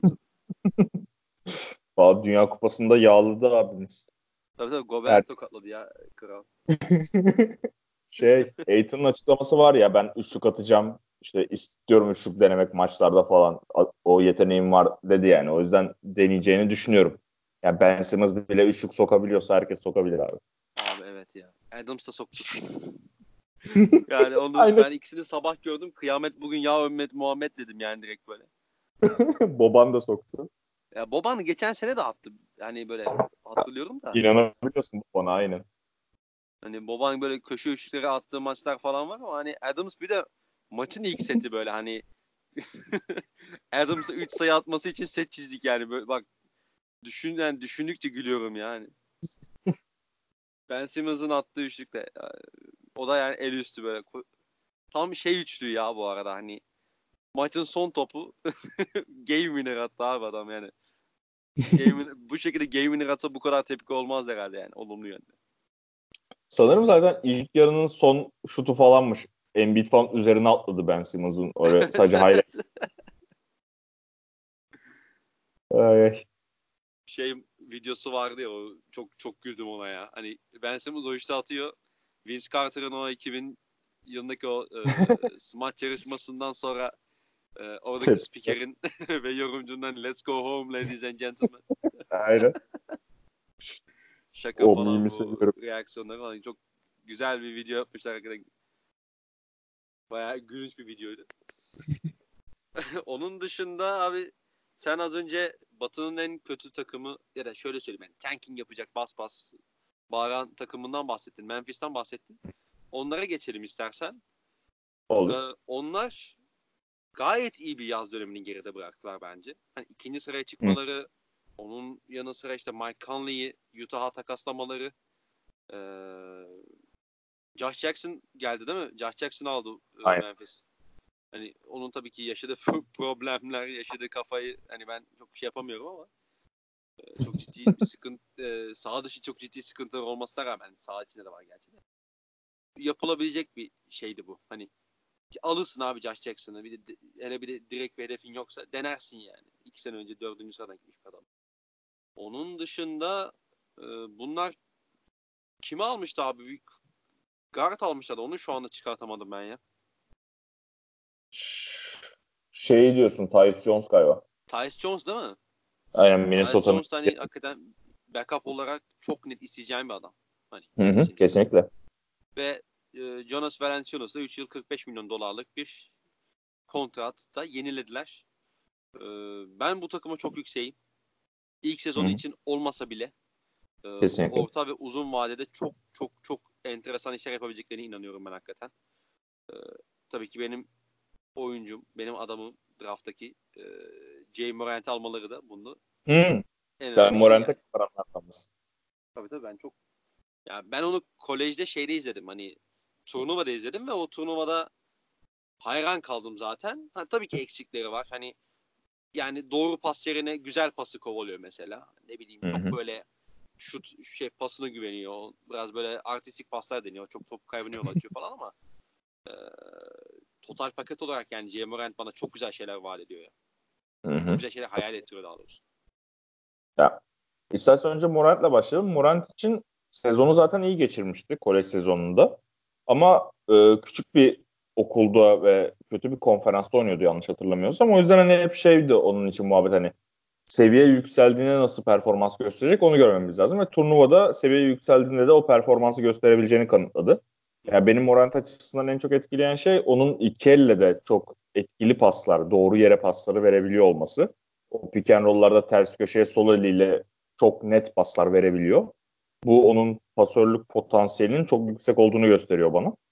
O yüzden hani, Abi iki elle de bitirebiliyor ya. Hı hı, aynen. Otaya girişlerinde yani. Atlet de bir guard zaten. Müthiş Ve- müthiş. Şey hani şey düşünürsek R.J. Barrett hani herkes şu an Zion kısmını hatırlıyor doğal olarak ama R.J. Barrett asıl en hype'lı gelen oyuncudur liseden. Bu adam süperstar olacak hype ile gelmişti. Onun üzerine çıkmayı başardı geçirdiği sezonla. Hani burada R.J. Barrett'ın da kötü bir sezon geçirmesinin etkisi var da hani Morant'in geçirdiği sezonun etkileyiciliği açısından bakıyorum. Ve benim de beğendiğim birisi. Uzun vadede de başarılı olacağını düşündüğüm birisi. Özellikle de Jaren Jackson Jr.'la birlikte bir onların hazırlık maçlarının highlightlarını izlemiştim. Pick and roll'da çok uyumlu duruyorlar. Biraz daha yüksek seviyede de görmek lazım ama şu an o ikilinin potansiyelini bayağı beğeniyorum. Aynı zamanda Brandon Clark'ı çektiler draft'tan. Hı hı. Ee, 21'den mi öyle bir şey? Ya 23'ü OKC'de takasladılar biliyorsun. 21'i aldılar. Aynen Oradan da 21'den. Brandon Clark'ı seçtiler. Yani Brandon Clark da çok e, değişik bir oyuncu. Yani 4 numara fiziğine sahip ama 5 numara skill setine sahip. Biraz 6-8 bir kulaç genişliği çok yine 6-8 yani 2-0-3 hem boyu hem kulacı ama zamanlaması o kadar mükemmel ki ve hiç faul yapmıyor. O çember savunma konusunda bu kadar etkilendiğim en son oyuncu şeydi. Nerlens Noel'di benim draft Hı hı. takip ederken. O blok zamanlamasına bayıldım. Ve yani fizinin göstermediği kadar güçlü. Onun ne yapacağını ve Jaren Jackson'ın yanında nasıl oynayacağını çok merak ediyorum. Ama yani biraz yaşlı bir çaylak. Ama ben onun da potansiyelinin yani nasıl diyeyim bir tamamlayıcı parça olarak potansiyeli olduğunu düşünüyorum NBA'de. O yüzden o hamlelerini de çok beğendim Memphis'in. Ya biraz böyle e- fiziki özelliklerine bakınca ben Mont bir de hani Montrezl Harrell şeyi aldım ondan. Hı hı. Vibe, var o vibe'ı. Yani o vibe ondan öyle bir şey aldım ben bir hava al, hava sezdim hava aldım. Hı. Yani Montrezl Harrell'ın da çıktığı seviyeyi görüyoruz hepimiz. yani. Aynen bu rolü tam olarak üstlenip doğru yapıda ki Morant gibi bir oyun kurucuyla oynayacak sonuçta. Pick and roll'da her devrildiğinde onu arayacak bir oyun kurucuyla oynayacak. Evet. O yüzden merak ediyorum onu. Şeye bahsettin sen, Josh Jackson takasından bahsettin. Ben orada asıl beni en çok şok eden olay D'Anthony Melton'u da almaları oldu. D'Anthony Melton benim bir önceki draftta çok beğendiğim bir guardtı ve Phoenix'te fena olmayan da bir sezon geçirmişti çaylak sezonu olarak. Ve hani o takasta Josh Jackson olmasa bile hani tutmasa bile o kumar D'Anthony Melton'un kesinlikle tutacağını düşünüyorum ben. Hı hı. O yüzden o takası bayağı beğendim. Iguodala'yı hala tutuyorlar. Salmıyorlar. Sonuna kadar da bekleyecekler. Bakalım yani Iguodala oradan... da buyout'a hiç yanaşmıyor bu arada. Hani bir haber okumuştum işte tek kuruş inmem diye. Hı-hı. Bilmiyorum. Yani o da o iş nasıl çözecek onu hakikaten çok merak ediyorum yani. Ya en son çıkan haber işte kampa katılmayacağı hakkındaydı. O buyout istiyor. Hani Memphis'te hani Iguodala'yı alırken draft hakkı alırlar. Şimdi Iguodala'yı verirken de draft hakkı almak istiyorlar. Onlar hani kafaları da rahat zaten. Bu sezon tepeye oynamayacakları için yani playoff bile zorlamayacakları için hani ne olacak abi Iguodala kontratına bayılsak ne olacak kafasıyla bakıyorlar büyük olasılıkla. Muhtemelen. Yani işte dediğim gibi sen sen söylemişsin hani hamlelerini be ya ben bir de Mike Conley takasını beğenmedim bu Memphis açısından ama orada da şeyi anlayabiliyorum. Yani Mike Conley Memphis'e çok şey katmış bir oyuncuydu. Ve onu istediği yere, başarılı olacağı yere takas etmek istediler. Karşılığında çok az şey aldıklarını düşünüyorum ben Mike Conley gibi bir oyuncu için. Katılıyorum. Ama hani yapacak bir şey yok. Onlar benim genel olarak sevdiğim bir yolu tercih ettiler. Ben mesela bu çok fazla takıma emek vermiş oyuncular takasını istediğinde ki siz de onu yaşadınız bu sezon. Onun evet. gideceği takımı seçme hakkı olması gerektiğini düşünen taraftayım ben. Tabii tabii yani bir de yani OKC'ye tekrar dönmek istemiyorum ama mesela Westbrook şey yani Durant'ten bir sene sonra kontratı bitiyordu yanlış hatırlamıyorsam. Hı hı. Ve orada yani tamam Supermax'ını aldı tabii ama orada işte yeni kontrat imzaladı mesela takımla. Hani şehri terk etmedi yani işte ben de gidiyorum yapmadı ve ayrı bir bağ oluştu yani özellikle o şey MVP sezonuyla da birlikte. Mesela Mike Conley'de öyle bir bağ var elbette hani şeyde Memphis'te yani yıllarca neler kattığını hepimiz biliyoruz. Dolayısıyla Utah'a gitmesinin Memphis için de aslında hani e, ilerleyen dönemden hani bak takıma bunları katan Mike Conley'e bunu yaptılar. İşte Gasol'ü mesela baktığın zaman çok aman aman bir paketi göndermediler. Şeye, Toronto'ya. Hani bu da bence oyuncuları ilerleyen dönemde hani bu buraya gelen oyuncuların da e, bu şeyden etkileneceğini düşünüyorum ben. Yani bu yönetim tarzından değil. Ufak böyle bir detay gibi gözükebilir ama bence önemli. Yani bir de şey hamleleri var. Ee, onu tam hatırlayamadım. Şu anda yanlış hatırlamıyorsam Milwaukee'nin yani Budenholzer'ın asistanını falan aldılar koç olarak. Evet, öyle evet bir şey. öyle bir şey oldu galiba. Ee, şu an tam hatırlamıyorum ama öyle bir hamleleri de vardı. Onu da görmek lazım şimdi yeni bir koçla. Yani Çok dediğim gibi bir yani, koç bu arada, değil mi? Yani yani asistanları neye göre övdüklerini insanların bilmiyorum. Ben bir tek savunma koordinatörleri hakkında gerçekten fikrim fikir sahibi olabileceğimizi düşünen taraftayım. O yüzden hani yani genelde onların isimleri daha çok duyulur ve daha çok bilinir. Yani bilmiyorum ya asistan koçları değerlendirmek zor. Bir de asistan koçluğu iyiyse illa iyi bir koç olacak anlamına da gelmiyor falan. Ama merak ediyorum yani sonuçta Budenholzer'ın fel, oyun felsefesini beğenen birisiyim. Genel olarak koçluk performansını. O ağaçtan da başarılı olabileceğini düşünüyorum. Bakalım. O da ister yani istemez mi? Popovic şeyini ha. almış yani. Direkt, en direkt yoldan olsa da. Aynen. Tam olarak öyle. İşte yani bağlamak istemiyorum. Bu takımın potansiyelini ben de beğeniyorum ama bu sezon yani Batı'nın en kötü takımı bence Memphis. net bir şekilde. Ya bu takımın şey olarak hani bu takım büyümeye ihtiyacı var abi. Bu takım büyüyecek yani. Kesinlikle. Hani fiziken oturacak işte e, J. Morant kas kütlesi ekleyecek ne bileyim e, Jerry Jackson Jr. sahada kalmayı daha fazla becerecek. Hani kolejden gelirken onun en büyük zaafı sahada çok kalamıyor olmasıydı. Çünkü çok fazla faal yapıyordu. Hı hı. Hani onları geliştirecekler. e, Bir, bir, birlikte bir kimya oluşturacaklar. Hani bunlar zaman isteyen şeyler.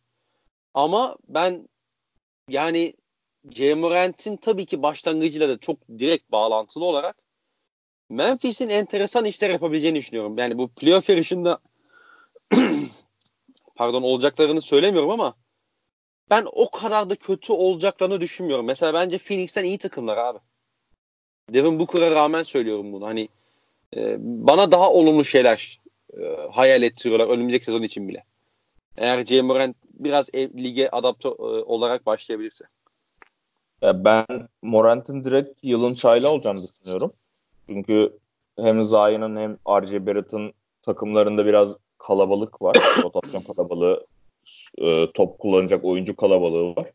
O yüzden Morant'in o fırsatı değerlendirip yılın çayla olmasını bekliyorum ama ona rağmen ben Batı sonuna yazıyorum ya. Bilmiyorum Phoenix'in de altına yazıyorum. Ne kadar şey yapsam da yani beğendiğim oyuncular olsa dediğim gibi Jaren Jackson Jr. mesela onun asıl en çok merak ettiğim oyuncuları Jaren Jackson Jr. zaten. Tabii tabii. Ee, Güzel. Hı hı. Yani hem elit savunmacı potansiyeli var hem hücum açısından baktığımızda bir işte uzun top yönlendiricisi o devrilmelerde falan pas dağıtabilecek bir uzun potansiyeli var. Dribbling yeteneği var, şutu var. Hani bir yerde bu adam her şeyi yani tüm paket olacak gibi göz, gözüküyor. Bir sezon böyle diyeceğiz ki bu adam her şeyi yapabiliyor sahada. Şimdi Abi, ama o katılıyorum, katılıyorum. Ama geçen sene de bak mesela çaylak sezonunda da hazır gözüktü. Hani böyle Hı hı. lige çok ya bu çocuğun da önünde bir iki yıl, üç yıl var dedirtmedi aslında baktığında. Hani burada şey önemli tabii hani o da Mike Conley ve Marc Gasol gibi iki çok tecrübeli parça vardı Memphis'te. Onlar da diri girince özellikle Gasol e, Evet. playoff yarışında başladılar. 12-5 falan başladılar yani o civardalardı. E, Aynen. ama hani evet çok saçma bir şeydi böyle. Hani, düşecekler mi, düşmeyecekler mi, ne oluyor falan derken. Sonra e, tepe taklak oldu tabii.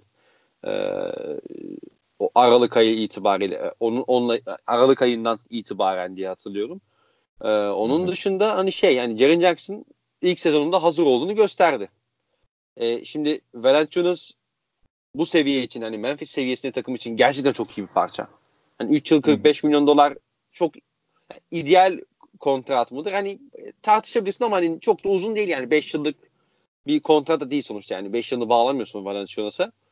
Ee, bir de o Jaren Jackson Jr.'ın gelişiminde de e, çok önemli e, faydaları olacaktır. Yani Valanciunas'ın kapacağı şeyler var. E, savunmada Evet. sertlik olsun işte hücumda post up o, o ayak e, şeyler olsun hani fundamental e, bilgileri olsun onların hepsini alabilir yani şeyden. E, faydalı bir oyuncu olacak e, Valanciunas. Bir de Memphis'in kültürüne de uyuyor. Hani oyun kültürüne. Bunun Aynen. yanı sıra bakıyorum abi. C- şimdi Jay Morant abi savaşır mı savaşır. Jaren Jackson Jr. savaşır mı savaşır. Valanciunas savaşır mı savaşır. E, kimler var daha bu takımda? E, Ty Jones, Tyus Jones iyi bir oyuncu. iyi bir backup. E, şu anda diğer oyuncular pek gelmiyor. Yani şey Josh Jackson dışında oyuncuları düşünüyorum. Hani onun genelde kafa sağlıklı olmadığı için. E, Brandon Clark anladığım kadarıyla savaşçı da bir oyuncu. Yani bu takım böyle en ufak bir konsantrasyon, en ufak bir şey kaybında rakiplerini bayağı zorlayacak gibi duruyor. Hani özellikle sezonun ikinci yarısında. Hani olur ya e, Memphis'e böyle banko galibiyetle bakarlar. Memphis Hı hı. orada e, içeride özellikle biraz e, tok- tokatlayabilir yani rakipleri. Bu arada Dylan Brooks'u unuttum. Dylan Brooks diyecektim. Aynen. O da benim sevdiğim bir oyuncu. E, bu takım keyif verecek ya bence kaybetse de. ilk sezonundan. Kesinlikle.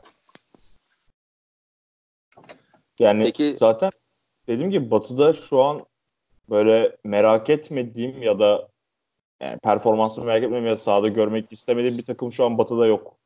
Cidden yok. Belki Minnesota olabilir ama Towns'u izlemeyi seviyorum. O yüzden hani Hı hı. Batı'da cidden yani çok ilginç bir sezon geçirecek. Ya Batı konferansı takımları çok ilginç olacak bu sezon. Peki abi o zaman e, Batı'dan zaten devam ediyoruz. Bu sene şey bu e, yayında 5 takımımız da Batı'dan zaten. San Antonio Spurs. Buna da şimdi yani şimdi bunu da şimdi anladım bu arada hani listeyi bir daha bakınca. Hiç dikkat etmemişim. Ee, abi Spurs çok böyle ciddi bir değişiklik yaşamadı. Böyle bir e, ciddi bir personel değişikliği olmadı. Ama e, aslında kilit olabilecek bir kayıp yaşadılar. Hani Marcus Morris'i alacağız diye Davis Bertans'ı gönderdiler biliyorsun. Hı.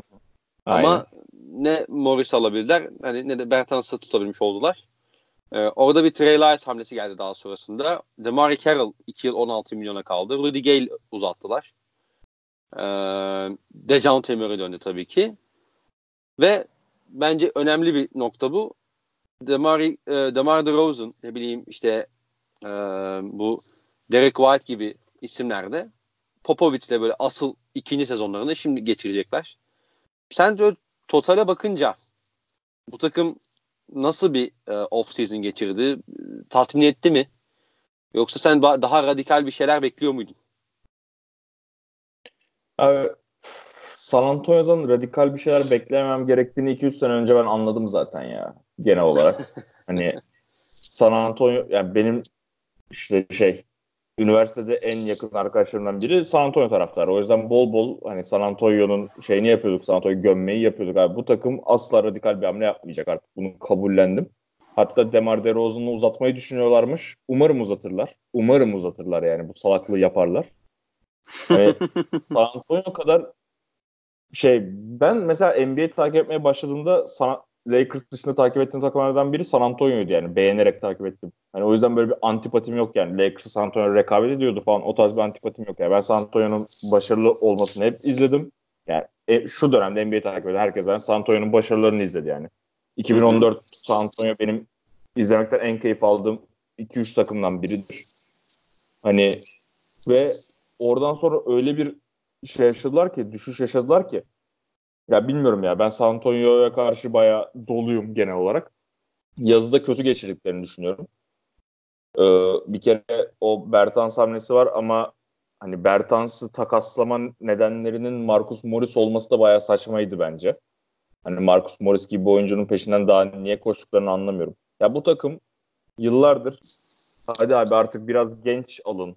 Hadi bir drafttan bir atletik adamlar alın falan diye bekleyip hiç yapmamış bir takımdı. Allah'tan son iki senede Derek White ve Dejante Murray çektiler de potansiyelli iki gençleri oldu.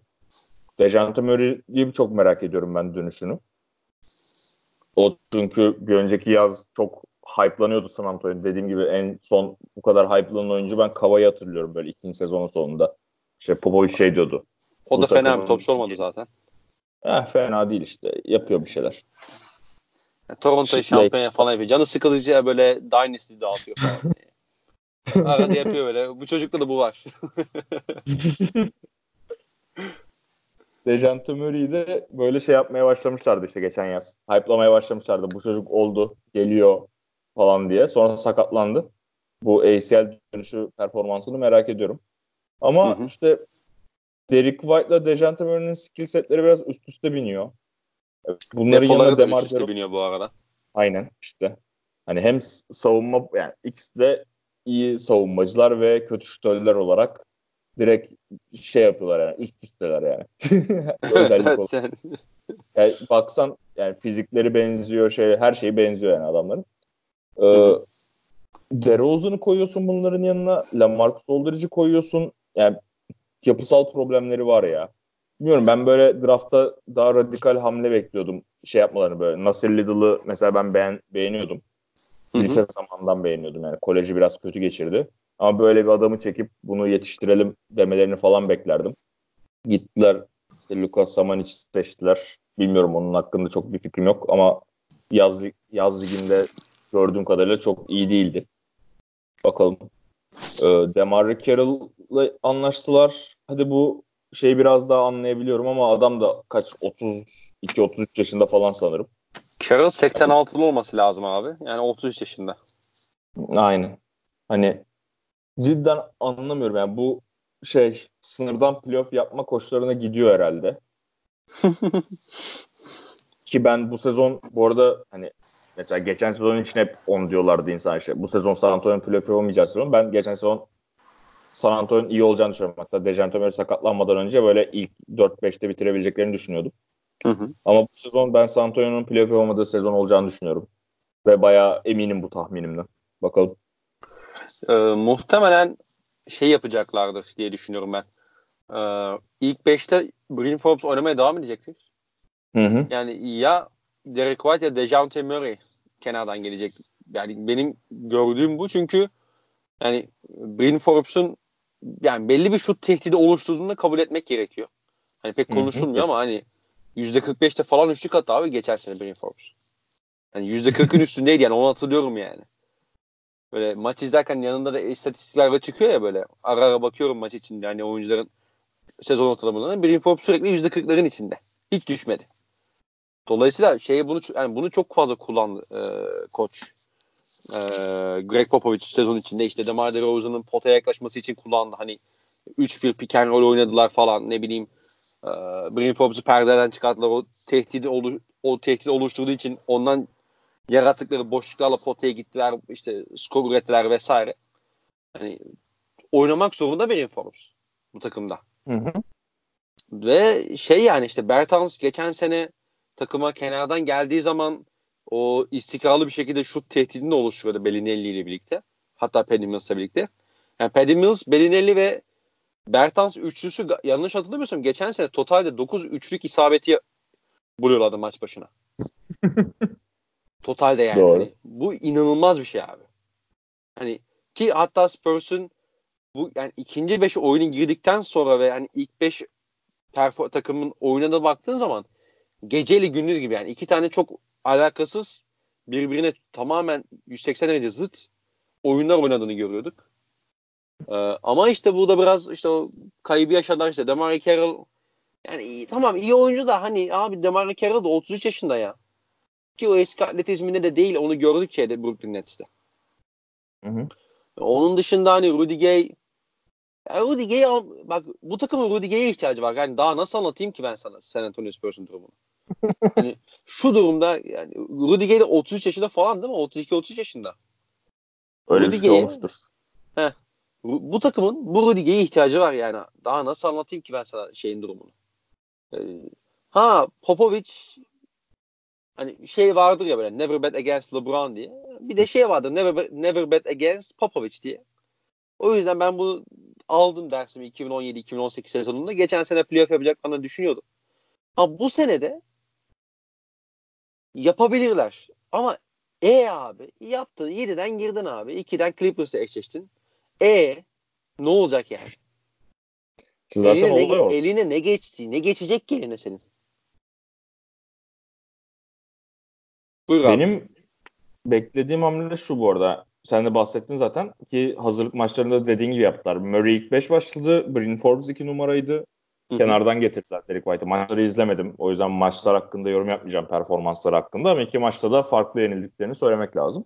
Ee, şey ben Derek White ya da Dejante Murray'i takaslamalarını bekliyorum. Bu sezon hani eğer San Antonio Spurs artık o radikal hamleyi yapacaklarsa hani radikal hamle yapma ihtimalleri varsa onun şu an yapmaları gerekiyor.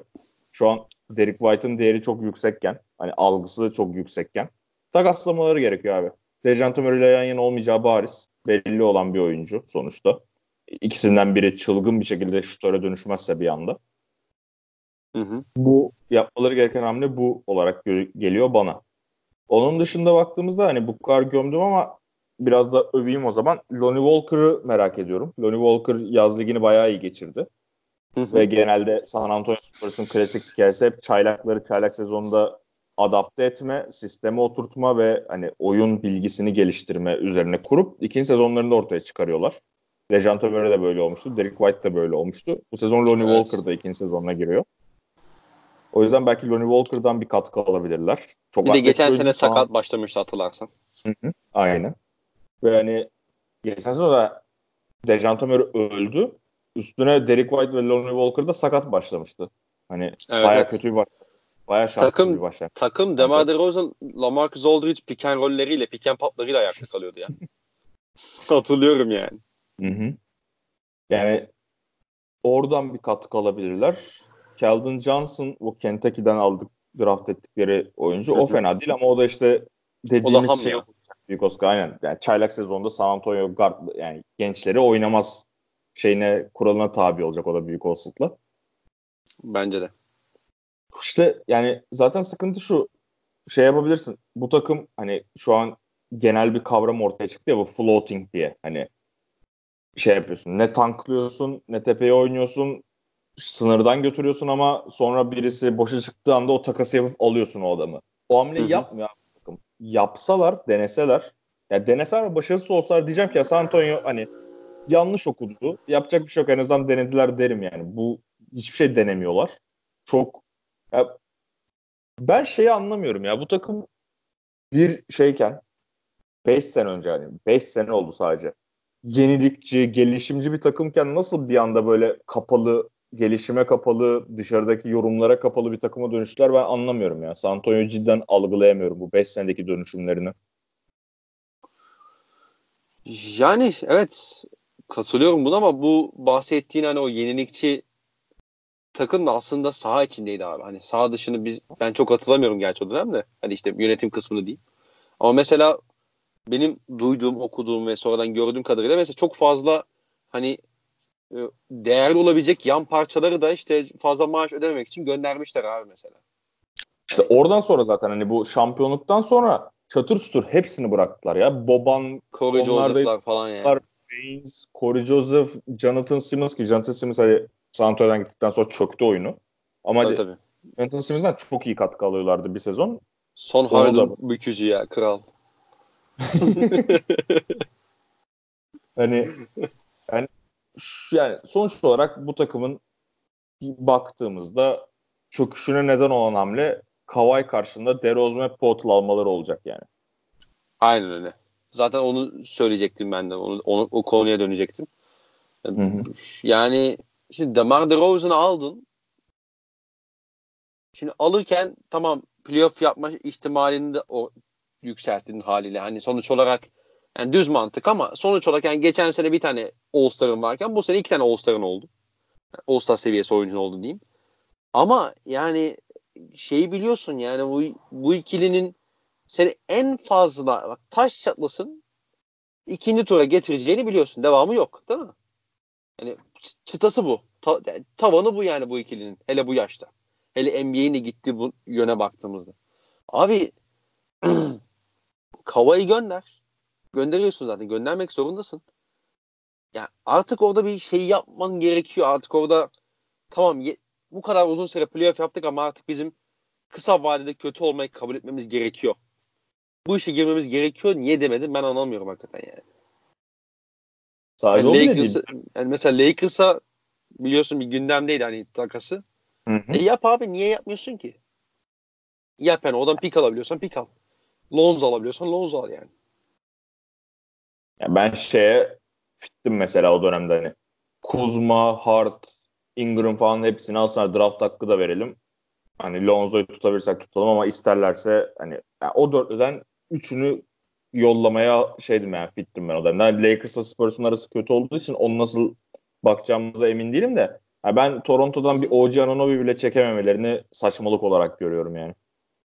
Tabii tabii yani ben bir o da şey e, DeMar DeRozan hamlesini gördükten sonra dedim herhalde acaba şey yani yanına OG Anunoby ya da Siakam'ı mı çekti bu adamlar Kesin. diye düşünüyordum. Ki ilk etapta o detaylar açıklanmamıştı biliyorsun hani. Toronto'ya gitti diye açıklandı şey Kawhi. Sonra baktık Aynen. geldi. Hani Pördl tamam bak Pördl o Spurs sistemine adapte olduktan sonra bence Spurs'un savunmasının toparlanmasının en önemli sebebi. Ben öyle düşünüyorum. Özellikle o pota çevresinde hani işte 5 numara oynayıp o kalıplı bir 5 numara da olduğu için zaten ee, çok özel bir çember kuruyusu olmasa da o e, pota çevresindeki varlığı Spurs'un çok kolay sayı yemesi önüne geçti. Ben önemli bir ekleme olduğunu düşünüyorum hani o bakımdan ama e yani hani e dönüp dolaşıp ne oldu yani nereye varacaksın da geliyoruz yani. Hani Pödel iyi tamam iyi çember koruyor tamam işte reboundçu iyi box falan. Demar DeRozan çok iyi bir orta mesafeci. Çok özel bir orta mesafeci. İşte All-Star seviyesi bir oyuncu. Sonuç Sonuç ne yani? Sonuç birinci turda eleniyorsun işte. Öyle. Olacaktı, olacaktı bu. Hani bir insan neden birinci turda elenmekten keyif alır onu da anlamıyorum yani. Hani ki gidişe, gidişatta onu gösteriyor. Yani Dejounte Murray bu arada De, Dejounte Murray, Derek White dedin ya sen. Muhtemelen onu bir sene tecrübe etmeden o öyle bir takasa gel, girmeyeceklerdir. Hani görmek isteyecekler ki bence de görmeleri lazım. Bir bakmaları lazım. Hani Spurs biliyorsun. Spurs'un en iyi yaptığı işlerden biri zaten takım o oyuncuların şutlarını geliştirmektir. Hani bakınız Kawhi Leonard. Hı hı. Ee, dolayısıyla onu bir görmek isteyeceklerdir. Ki bence de görmeleri lazım. Bir bakmaları lazım. Ama Spurs'un 3 sene sonra go to guy kim olacak mesela? O çok ciddi bir soru işareti. Oralar zaten sıkıntılı. Yani dediğim gibi işte. Yani bir sen sordun zaten bunu hani yazın radikal bir hamle bekliyor muyum diye. Ben Kavay varken bile San Antonio'dan o radikal hamleyi bekliyordum. O gençleşme hamlesini. Yani Kavay belli takımın yıldızı diye bağırıyordu. O dönemde bile hani yan parçalar durmadan ellerinden salıyorlar. Durmadan salıyorlardı. O dönemde hani tamam bunları salıyorlar da genç sokarlar diyordum. Paul Gasol'e yıllık 18 veriyorlar yani. Abi o kontratı ben gördüğümde inanamadım ya. İnanamadım hakikaten. Neyse abi peki ne bekliyorsun? Playoff yapmayacaklar diyorsun sen o zaman. Ben yapamayacaklarını düşünüyorum. 10 9-10. 9 max diyorum. Peki 8. takım kim olur? Hani onu konuşmadık pek ama Kings mi diyorsun sen? Ee, Kings ya da Pelicans diyorum. Pelicans konusunda biraz iddialı olabilir. Ama onlardan birinin olabileceğini düşünüyorum. Kings Bu daha arada- makul. olur. Yani Pelicans'ın ben işte Hawks maçının özet görüntülerini izledim. Hani tabii ki bu yeterli bir şey değil ama ya orada Zion'ın yani pek konuşmuyor da Zion'ın topsuz oyunu çok etkiledi ben açıkçası. Hani birkaç pozisyon var. Bunları devamlı hale getirebilirse Lonzo da şutu biraz daha düzeltmiş gibi duruyor. Hani şut stilini. Hı hı. Ee, acaba mı dedirtmiyor değil yani. Yani Zion konusuna her podcast'te değineceğim gibi hissediyorum. Kaydettim de. Yani Zion konusundaki hikaye şu. Zion abi çok iyi bir smaçör olarak ortaya çıktı ama komple bir oyunu var. Bir oyuncu sadece iyi bir smaçör olduğu için 20 bilmem kaç sayı ortalamasını %70 ile yapamaz yani. Hani sağ Tabii, tabii. %70 ile oynayarak yapamaz. Öyle Bu- olacak olsa Derrick Jones yapardı abi mesela. İşte yani aynı. Topsuz oyunu yani topsuz katları görmesi ki zaten fiziği nedeniyle dolu olsa bile o pota altı üzerlerine çıkabilmesi oyuncuları falan çok özel bir oyuncu. Aynı zamanda elleri çok yumuşak ve potu dibinden turnikeleri falan ki o turnikesini görmüşsündür zaten. Böyle şey kimdi karşısına çıktı? Alex Len miydi? Yanından kıvrılarak bırakıyor falan. Hani Evet evet. pota dibinden çok iyi bir bitirici. Yani, o yüzden yani Zion'ın potansiyelinin yüksek olduğunu düşünüyorum. Çaylak sezonunda da iyi olacağını düşünüyorum ama o takım çok geniş ya. Çok geniş bir kadroya sahipler ve bir şeyler Ama tempo, olacak. ya şöyle tempo yapan takımda geniş kadro bayağı avantaj. Bayağı avantaj. Yani. Kesinlikle. Bir de hani Lonzo'nun ilk iki senesinde de o yaşadığı bilek sakatlıydı değil mi? İki, her Geçen senesinde de yaşadığı bilek sakatlığı. dizdi. Heh, yani. Çaylak'ta dizdi. İki sezonun içinde o yaşadığı sakatlıklar işte ne bileyim Ingram'ın o hastalığı hani anladığım kadarıyla e, tekrarlanmayacağını bekliyoruz. Hani umuyoruz ama sonuç olarak Hı hı. belli değil. E, işte C.C. Redick yaşlandı en nihayetinde. Yani Zion Lig'in sonuçta çaylak oyuncusu. Hani ve yüksek tempo yapacaklarını da varsayarsak o kadronun geniş olması e, bu yani Pelicans için gayet iyi. Gayet iyi bir şey. Hani, bazı takımlar için ters tepebilir ama bu nok- şu an iyi yani Pelicans için o kadronun geniş olması. Hı hı. Kesinlikle. Onun dışında biz Pelicans'a çevirmeden bu podcast'in sonunu Aynen. Denver'e geçelim abi. Denver aslında yayının başında da biraz bahsettik. Ee, Jeremy Grant'i çok güzel bir paket karşılığında aldılar. Hani korumalı iki- 2020 draft haklarını gönderdiler ki hani muhtemelen zaten koruması da gönderseler o pik 20-30 arasında düşecektir. Ee, dolayısıyla çok böyle bir büyük bir kayıpları olmayacaktır diye düşünüyorum. Ama Grant hamlesi hakikaten birçok açıdan birden fazla e, noktadan çok değerli. Sen o takası nasıl değerlendiriyorsun? E, off season'ı biraz daha hareketli geçirmelerini bekliyor muydun? Mesela biliyorsun şeyle uzattılar. E, Cemal Cemal Murray. Murray'le. Bu karar iyi bir karar mı? Doğru bir karar mı? Erken miydi? kısaca başlayalım istersen. Önce Grant'le başlayayım. Ben Grant hamlesine bayıldım çünkü bu takımın en büyük soru işareti uzun vadeli. Hani birkaç tane var da benim en çok bakacağım şeylerden biri bu Paul Millsap rolünü nasıl dolduracaklarıydı. Çünkü Paul Millsap çok sık sakatlık yaşamaya başladı ve 34 yaşında. Ve hı hı. hani Cer- oraya yok için yanına ben Jeremy Grant'in cuk oturacağını düşünüyorum. O Paul Millsap rolü için. O yüzden o hamleye bayıldım yani direkt. Çünkü Jeremy Grant daha 25 yaşında ve çekirdekleriyle yaş şeyi de uygun. Gary Harris'le işte Jamal Murray'le yok içle falan. Timeline'lere cuk oturuyor. O yüzden o hamleyi çok sevdim. Jamal Murray kontratı ise çok saçma buluyorum ama hani yaptıkları hani yapma nedenlerini anlayabiliyorum. Onlar biraz da işte biz zaten oyuncu çekemiyoruz. O yüzden elimizdeki oyunculara ne kadar güvendiğimizi göstermeliyiz kontratıydı. Ee, şey yani ben abi yine kontrat... abi yine de çok erken değil mi ya? Hani çok erken yani. yani şey çünkü şöyle bir durum da var. Cemal Murray zaten çaylak kontratında olduğu için hani sınırsız serbest de olmayacak yani kontratı bittiğinde. Aynen. Bir gör yani bir, bir playoff daha gör mesela Cemal Murray. Ondan sonra karar ver. Yani yine tutmak istiyorsan da yine riske girmek istemiyorsan da rakip illa biri o kontratı verecektir ona. Sen de onu eşlersin. Onu match edersin. Yine tutarsın takımda. Bir de şimdi şey oldu. Jamal Murray'nin geçireceği sezon da biraz bağlı olacak ama 2020'deki bu şey sınırlı serbest olacak oyuncular açısından bakarsak işte Jalen Brown'lar, Brandon Ingram'lar falan bu Jamal Murray onlara bir şey oldu. Ne bileyim e, örnek olacak yani kontrat istediklerine. Jamal Murray bu kontrat alıyor. Bana bu kontratı vereceksin diyecekler ve o inanılmaz saçma bir şey olacak. Sınırlı o restricted free agents çok saçma olacak gibi geliyor bana seneye. Çünkü örnek kontrat olacak artık Jamal Murray'nin kontratı. Bir de şey de olacaktır muhtemelen. Hani atıyorum mesela Jalen Brown Boston'da problemler yaşayabilir. Hani hı hı. ikinci senesi çok iyi bir sezondu. Hani Kyrie, şey Gordon Hayward sonra Kyrie sakatlandı vesaire. Ama geçen sene o kadar iyi değildi. Aynen. Ve Jalen Brown böyle lafını esirgeyen bir adam da değil. Hani ne, harbi yani ne Boston kültüründen bahsediyorsunuz falan deyip deneyici getiren bir adam sonuçta yani hani e, Isaiah Thomas üzerinden. Dolayısıyla bir de 2020 yazın 2020 yazında kimse yok.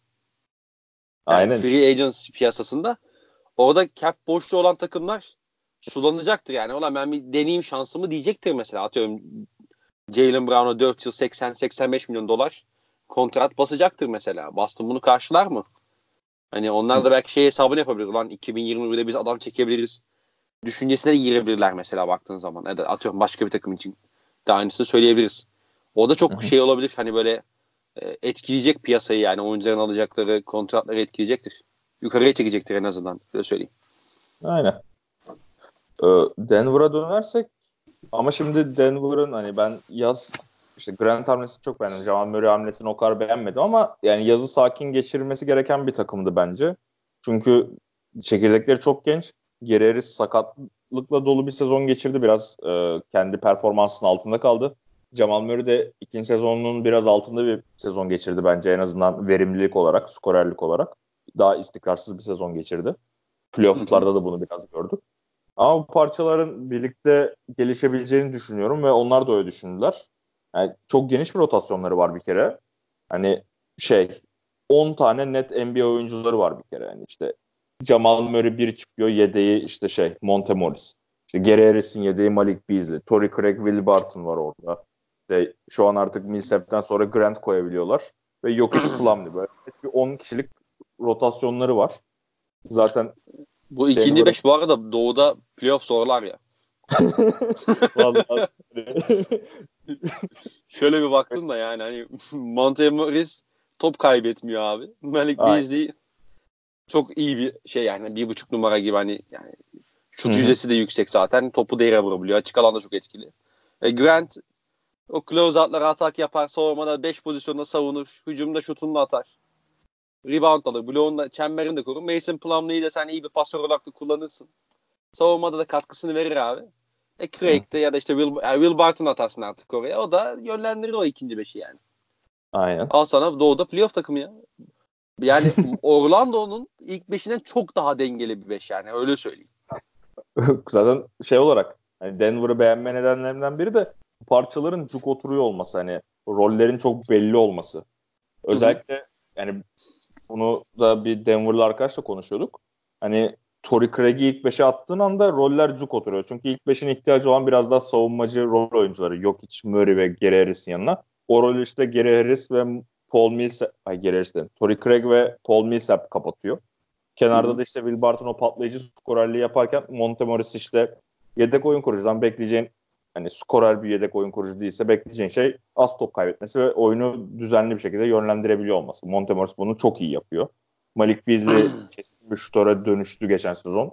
Hani kolejin çok hakim değilim kolej kariyerine o yüzden hatırlamıyorum şu an onun nasıl bir oyuncu olarak geldiğini profil olarak. Hem de atlet bir guard. İşte Will Barton patlayıcı skorer oluyor. Orada artık Jeremy Grant var. Ben mesela şey de merak ediyorum. Böyle Jeremy Grant, Paul Millsap 4-5'ini yapacaklar mı acaba? Böyle biraz daha kısalalım ve şey yapalım. Rakibi hı sağdan silelim koşarak falan hamlesi yapacaklar mı? Çünkü yani bunu yapabilirler. Söz söz. Bunu yapabilirler abi. Ee, ama mesela bunun maç sonlarında ne kadar yapacaklar? Hani yok içten vazgeçecek mi? Ee, Yok, Mike Malone. Bazı mesela bazı matchup'larda vazgeçmesi hakikaten takımın hayrını olabilir. Ama yapar mı ondan emin değilim. Hani biz yok içte yaşayıp yok içte öleceğiz. Murray ile yaşayıp Murray ile öleceğiz mi diyecek. Ee, o tabii ki bilmiyorum ama yani şey var. Ee, Mike Malone geçen sene şeyi falan yapmayı seviyordu hatırlarsan. Ee, Paul Mills'ı bir kenara aldığında yok hiç Plumlee falan yapıyordu. Aynen. Yani, yani onlara da devam edip yine zaman zaman çok uzun zaman zaman da biraz kısa kalıp e, savunma planlarında da çok farklı e, şeylere gidebilir. Hani yollara başvurabilir.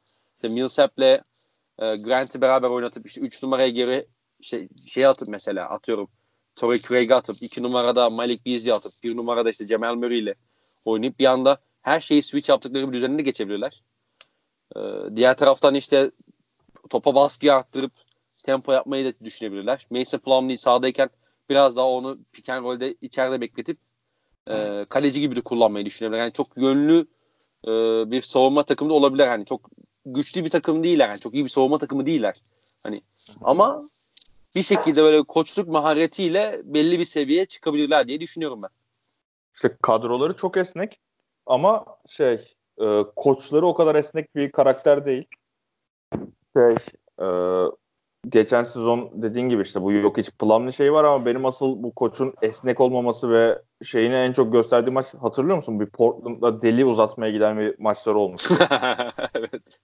Abi yok hiç 60 dakika mı ne oynattı bu maçta? 65 ve olması lazım. Öyle bir şey ve hani en komiği de şuydu o maçta. Hani artık hani NBA oynamış PlayStation'da bilgisayarda oynamış herkesin bildiği gibi stamina barlar var. O stamina var bittiğinde sen 60-65 over'lık adam koysan o 90 over'lık adamdan iyi oynar. Hani evet, bu mantıkla yönetse sadece o maçı kazanırdı. O maçta ne oldu? Rodney Hood'u soktu Portland. Tek uzun süre oynamamış oyuncuydu. Çat çat çat enerjisiyle o maçı aldı. Tabii hani, tabii iki, iki tane şut soktu maçı bitirdi aynen. yani. Ya, o maçta böyle hadi artık yok hiç yürüyemiyor abi çıkar. Yani adam sadece nefesi yetmediği için faal atışı kaçırdı. Yani o, ya da hani... artık artık yeter bir daha uzamasın diyeyim. Aynen o da. yani Malone'un genel olarak e, esnek olmayan bir koç olduğunu düşünüyorum. Bu elinde çok iyi bir kadro var ve bence normal sezonda Batı'nın birincisi olacak takım Denver olacak. Benim Hı-hı. beklentim o yönde. Çünkü çok dediğim gibi geniş bir kadroları var. Esnek bir kadroları var ve hani her pozisyonda net iki oyuncuları var.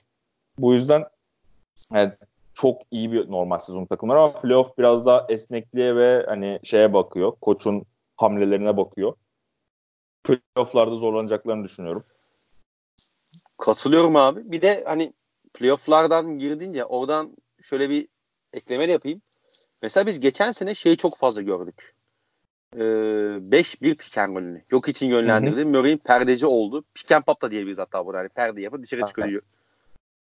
Playoff'ta ben onu neredeyse hiç görmedim abi. Mesela Hı, tamamen tam tersine oynamaya başladılar.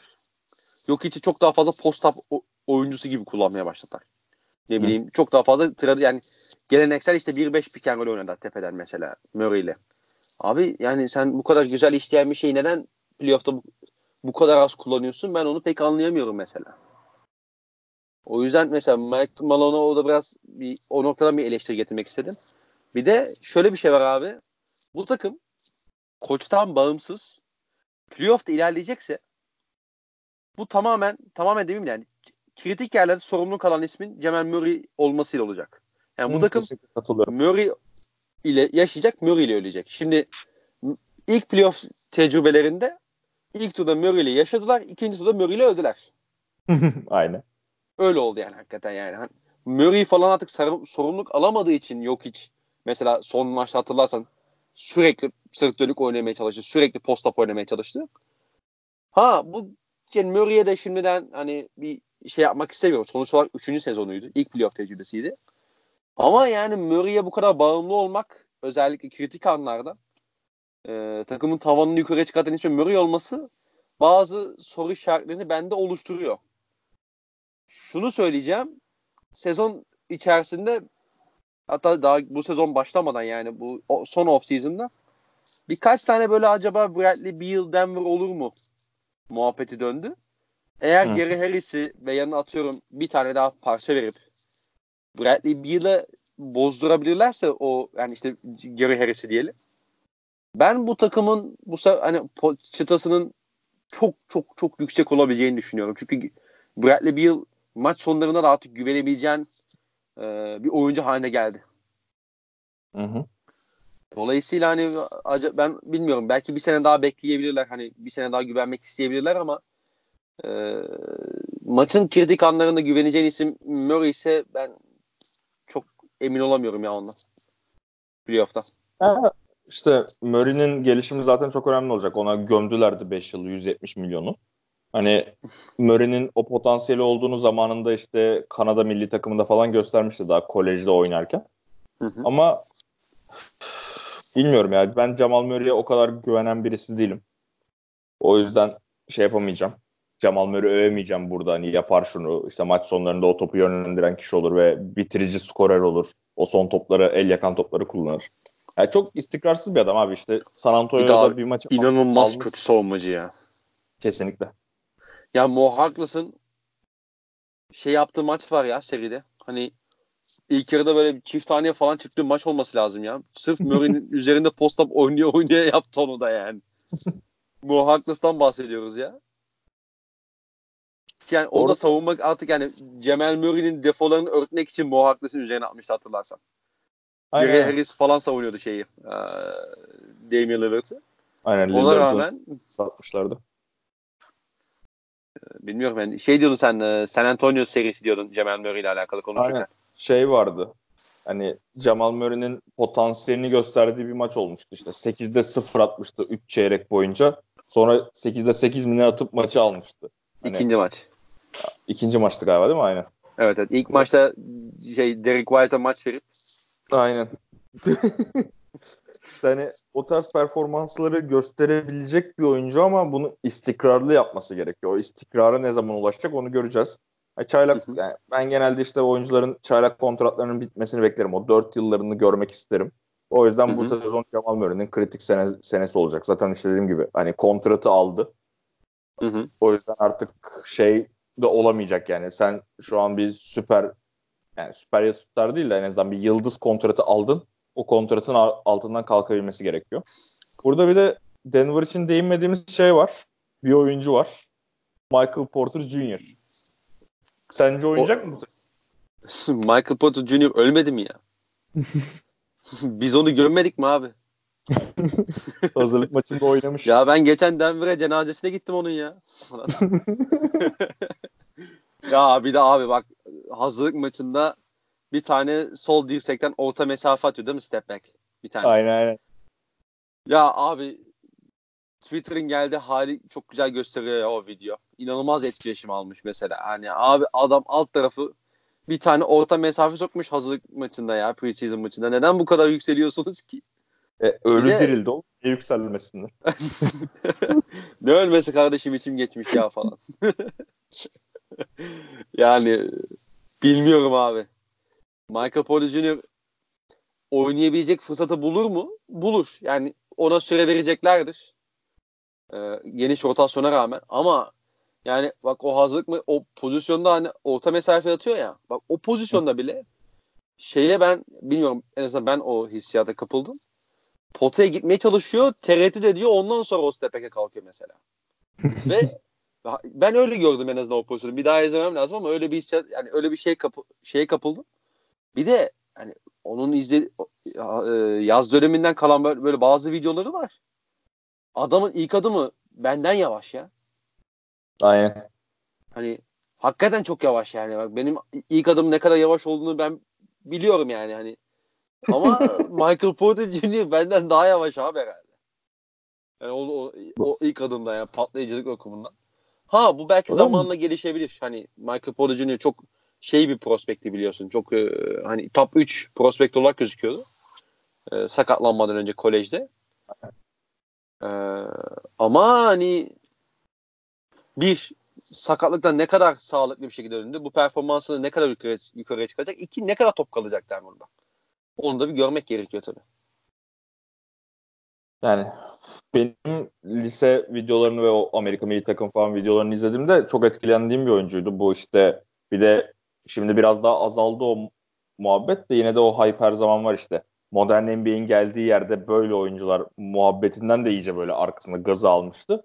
Yani yetenek olarak çok yetenekli bir oyuncu ama yani ben dediğim gibi bu kadro zaten çok geniş ve bu kadro yani Denver'ın mentalitesi biz artık işte şampiyonluğa oynayacağız takımımız mentalitesi olduğu için Michael Porter Jr.'a hadi abi gel sen de bir 15 dakika oyna 20 dakika oyna diyebileceklerini düşünmüyorum. Michael Porter Jr.'ın bir şeyleri kanıtlaması gerekiyor süre alması için. Hı hı. Yani umarım kanıtlar. Görmek istiyorum ben onun oynayışını. Yani neler yapacağını. Ama belki hı hı. senin dediğin Bradley Beal takasına böyle Gary artı Michael Porter Jr. falan çıkabilirler. Böyle bir şey de bekleye olabilir yani mantıklı gözü, gözüme. Ya şöyle Michael Porter Jr. bence oynayacak abi. Belki 15-20 dakika olmaz ama 10 dakika olur mesela atıyorum. Ama oynatacaklar bence en azından ilk bir iki ay. Görecekler. Ee, ama işte hani Michael Porter Jr. için asıl mevzu playoff'ta mesela bu takımda oynayabilecek mi? Hani bu sezon ya da önümüzdeki sezon. Hani sağ, güvenebilecekler mi? Asıl mesele bu.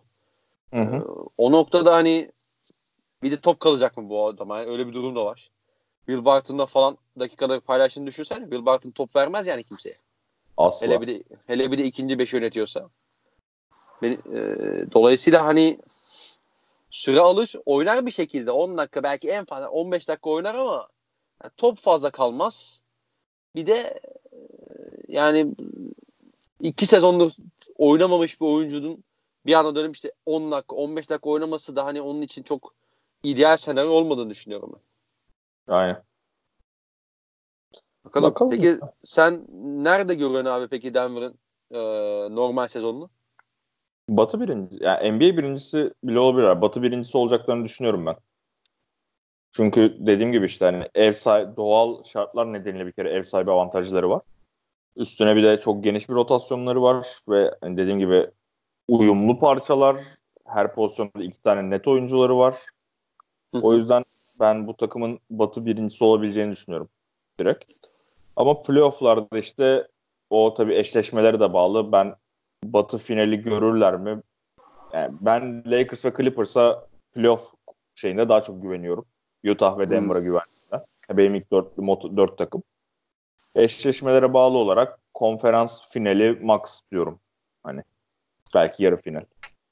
Abi herhangi bir eşleşmede konferans finali yapmaları büyük başarı ya.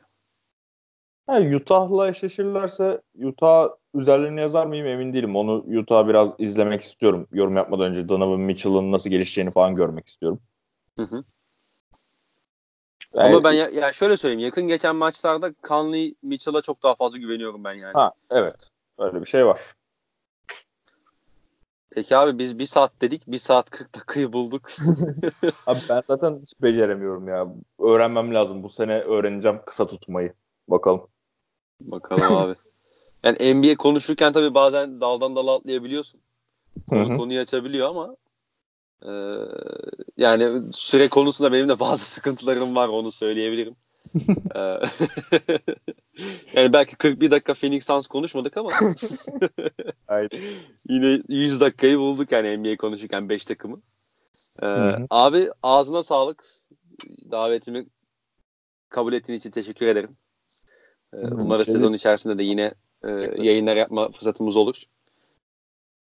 O zaman e, teşekkür ederim bir kez daha ve evet yayının sonuna geldik. 1 saat 40 dakikayı tam şu anda geçtik. Ee, dinleyen herkese teşekkür ederiz. Herkese mutlu günler. Hoşçakalın. Hoşçakalın.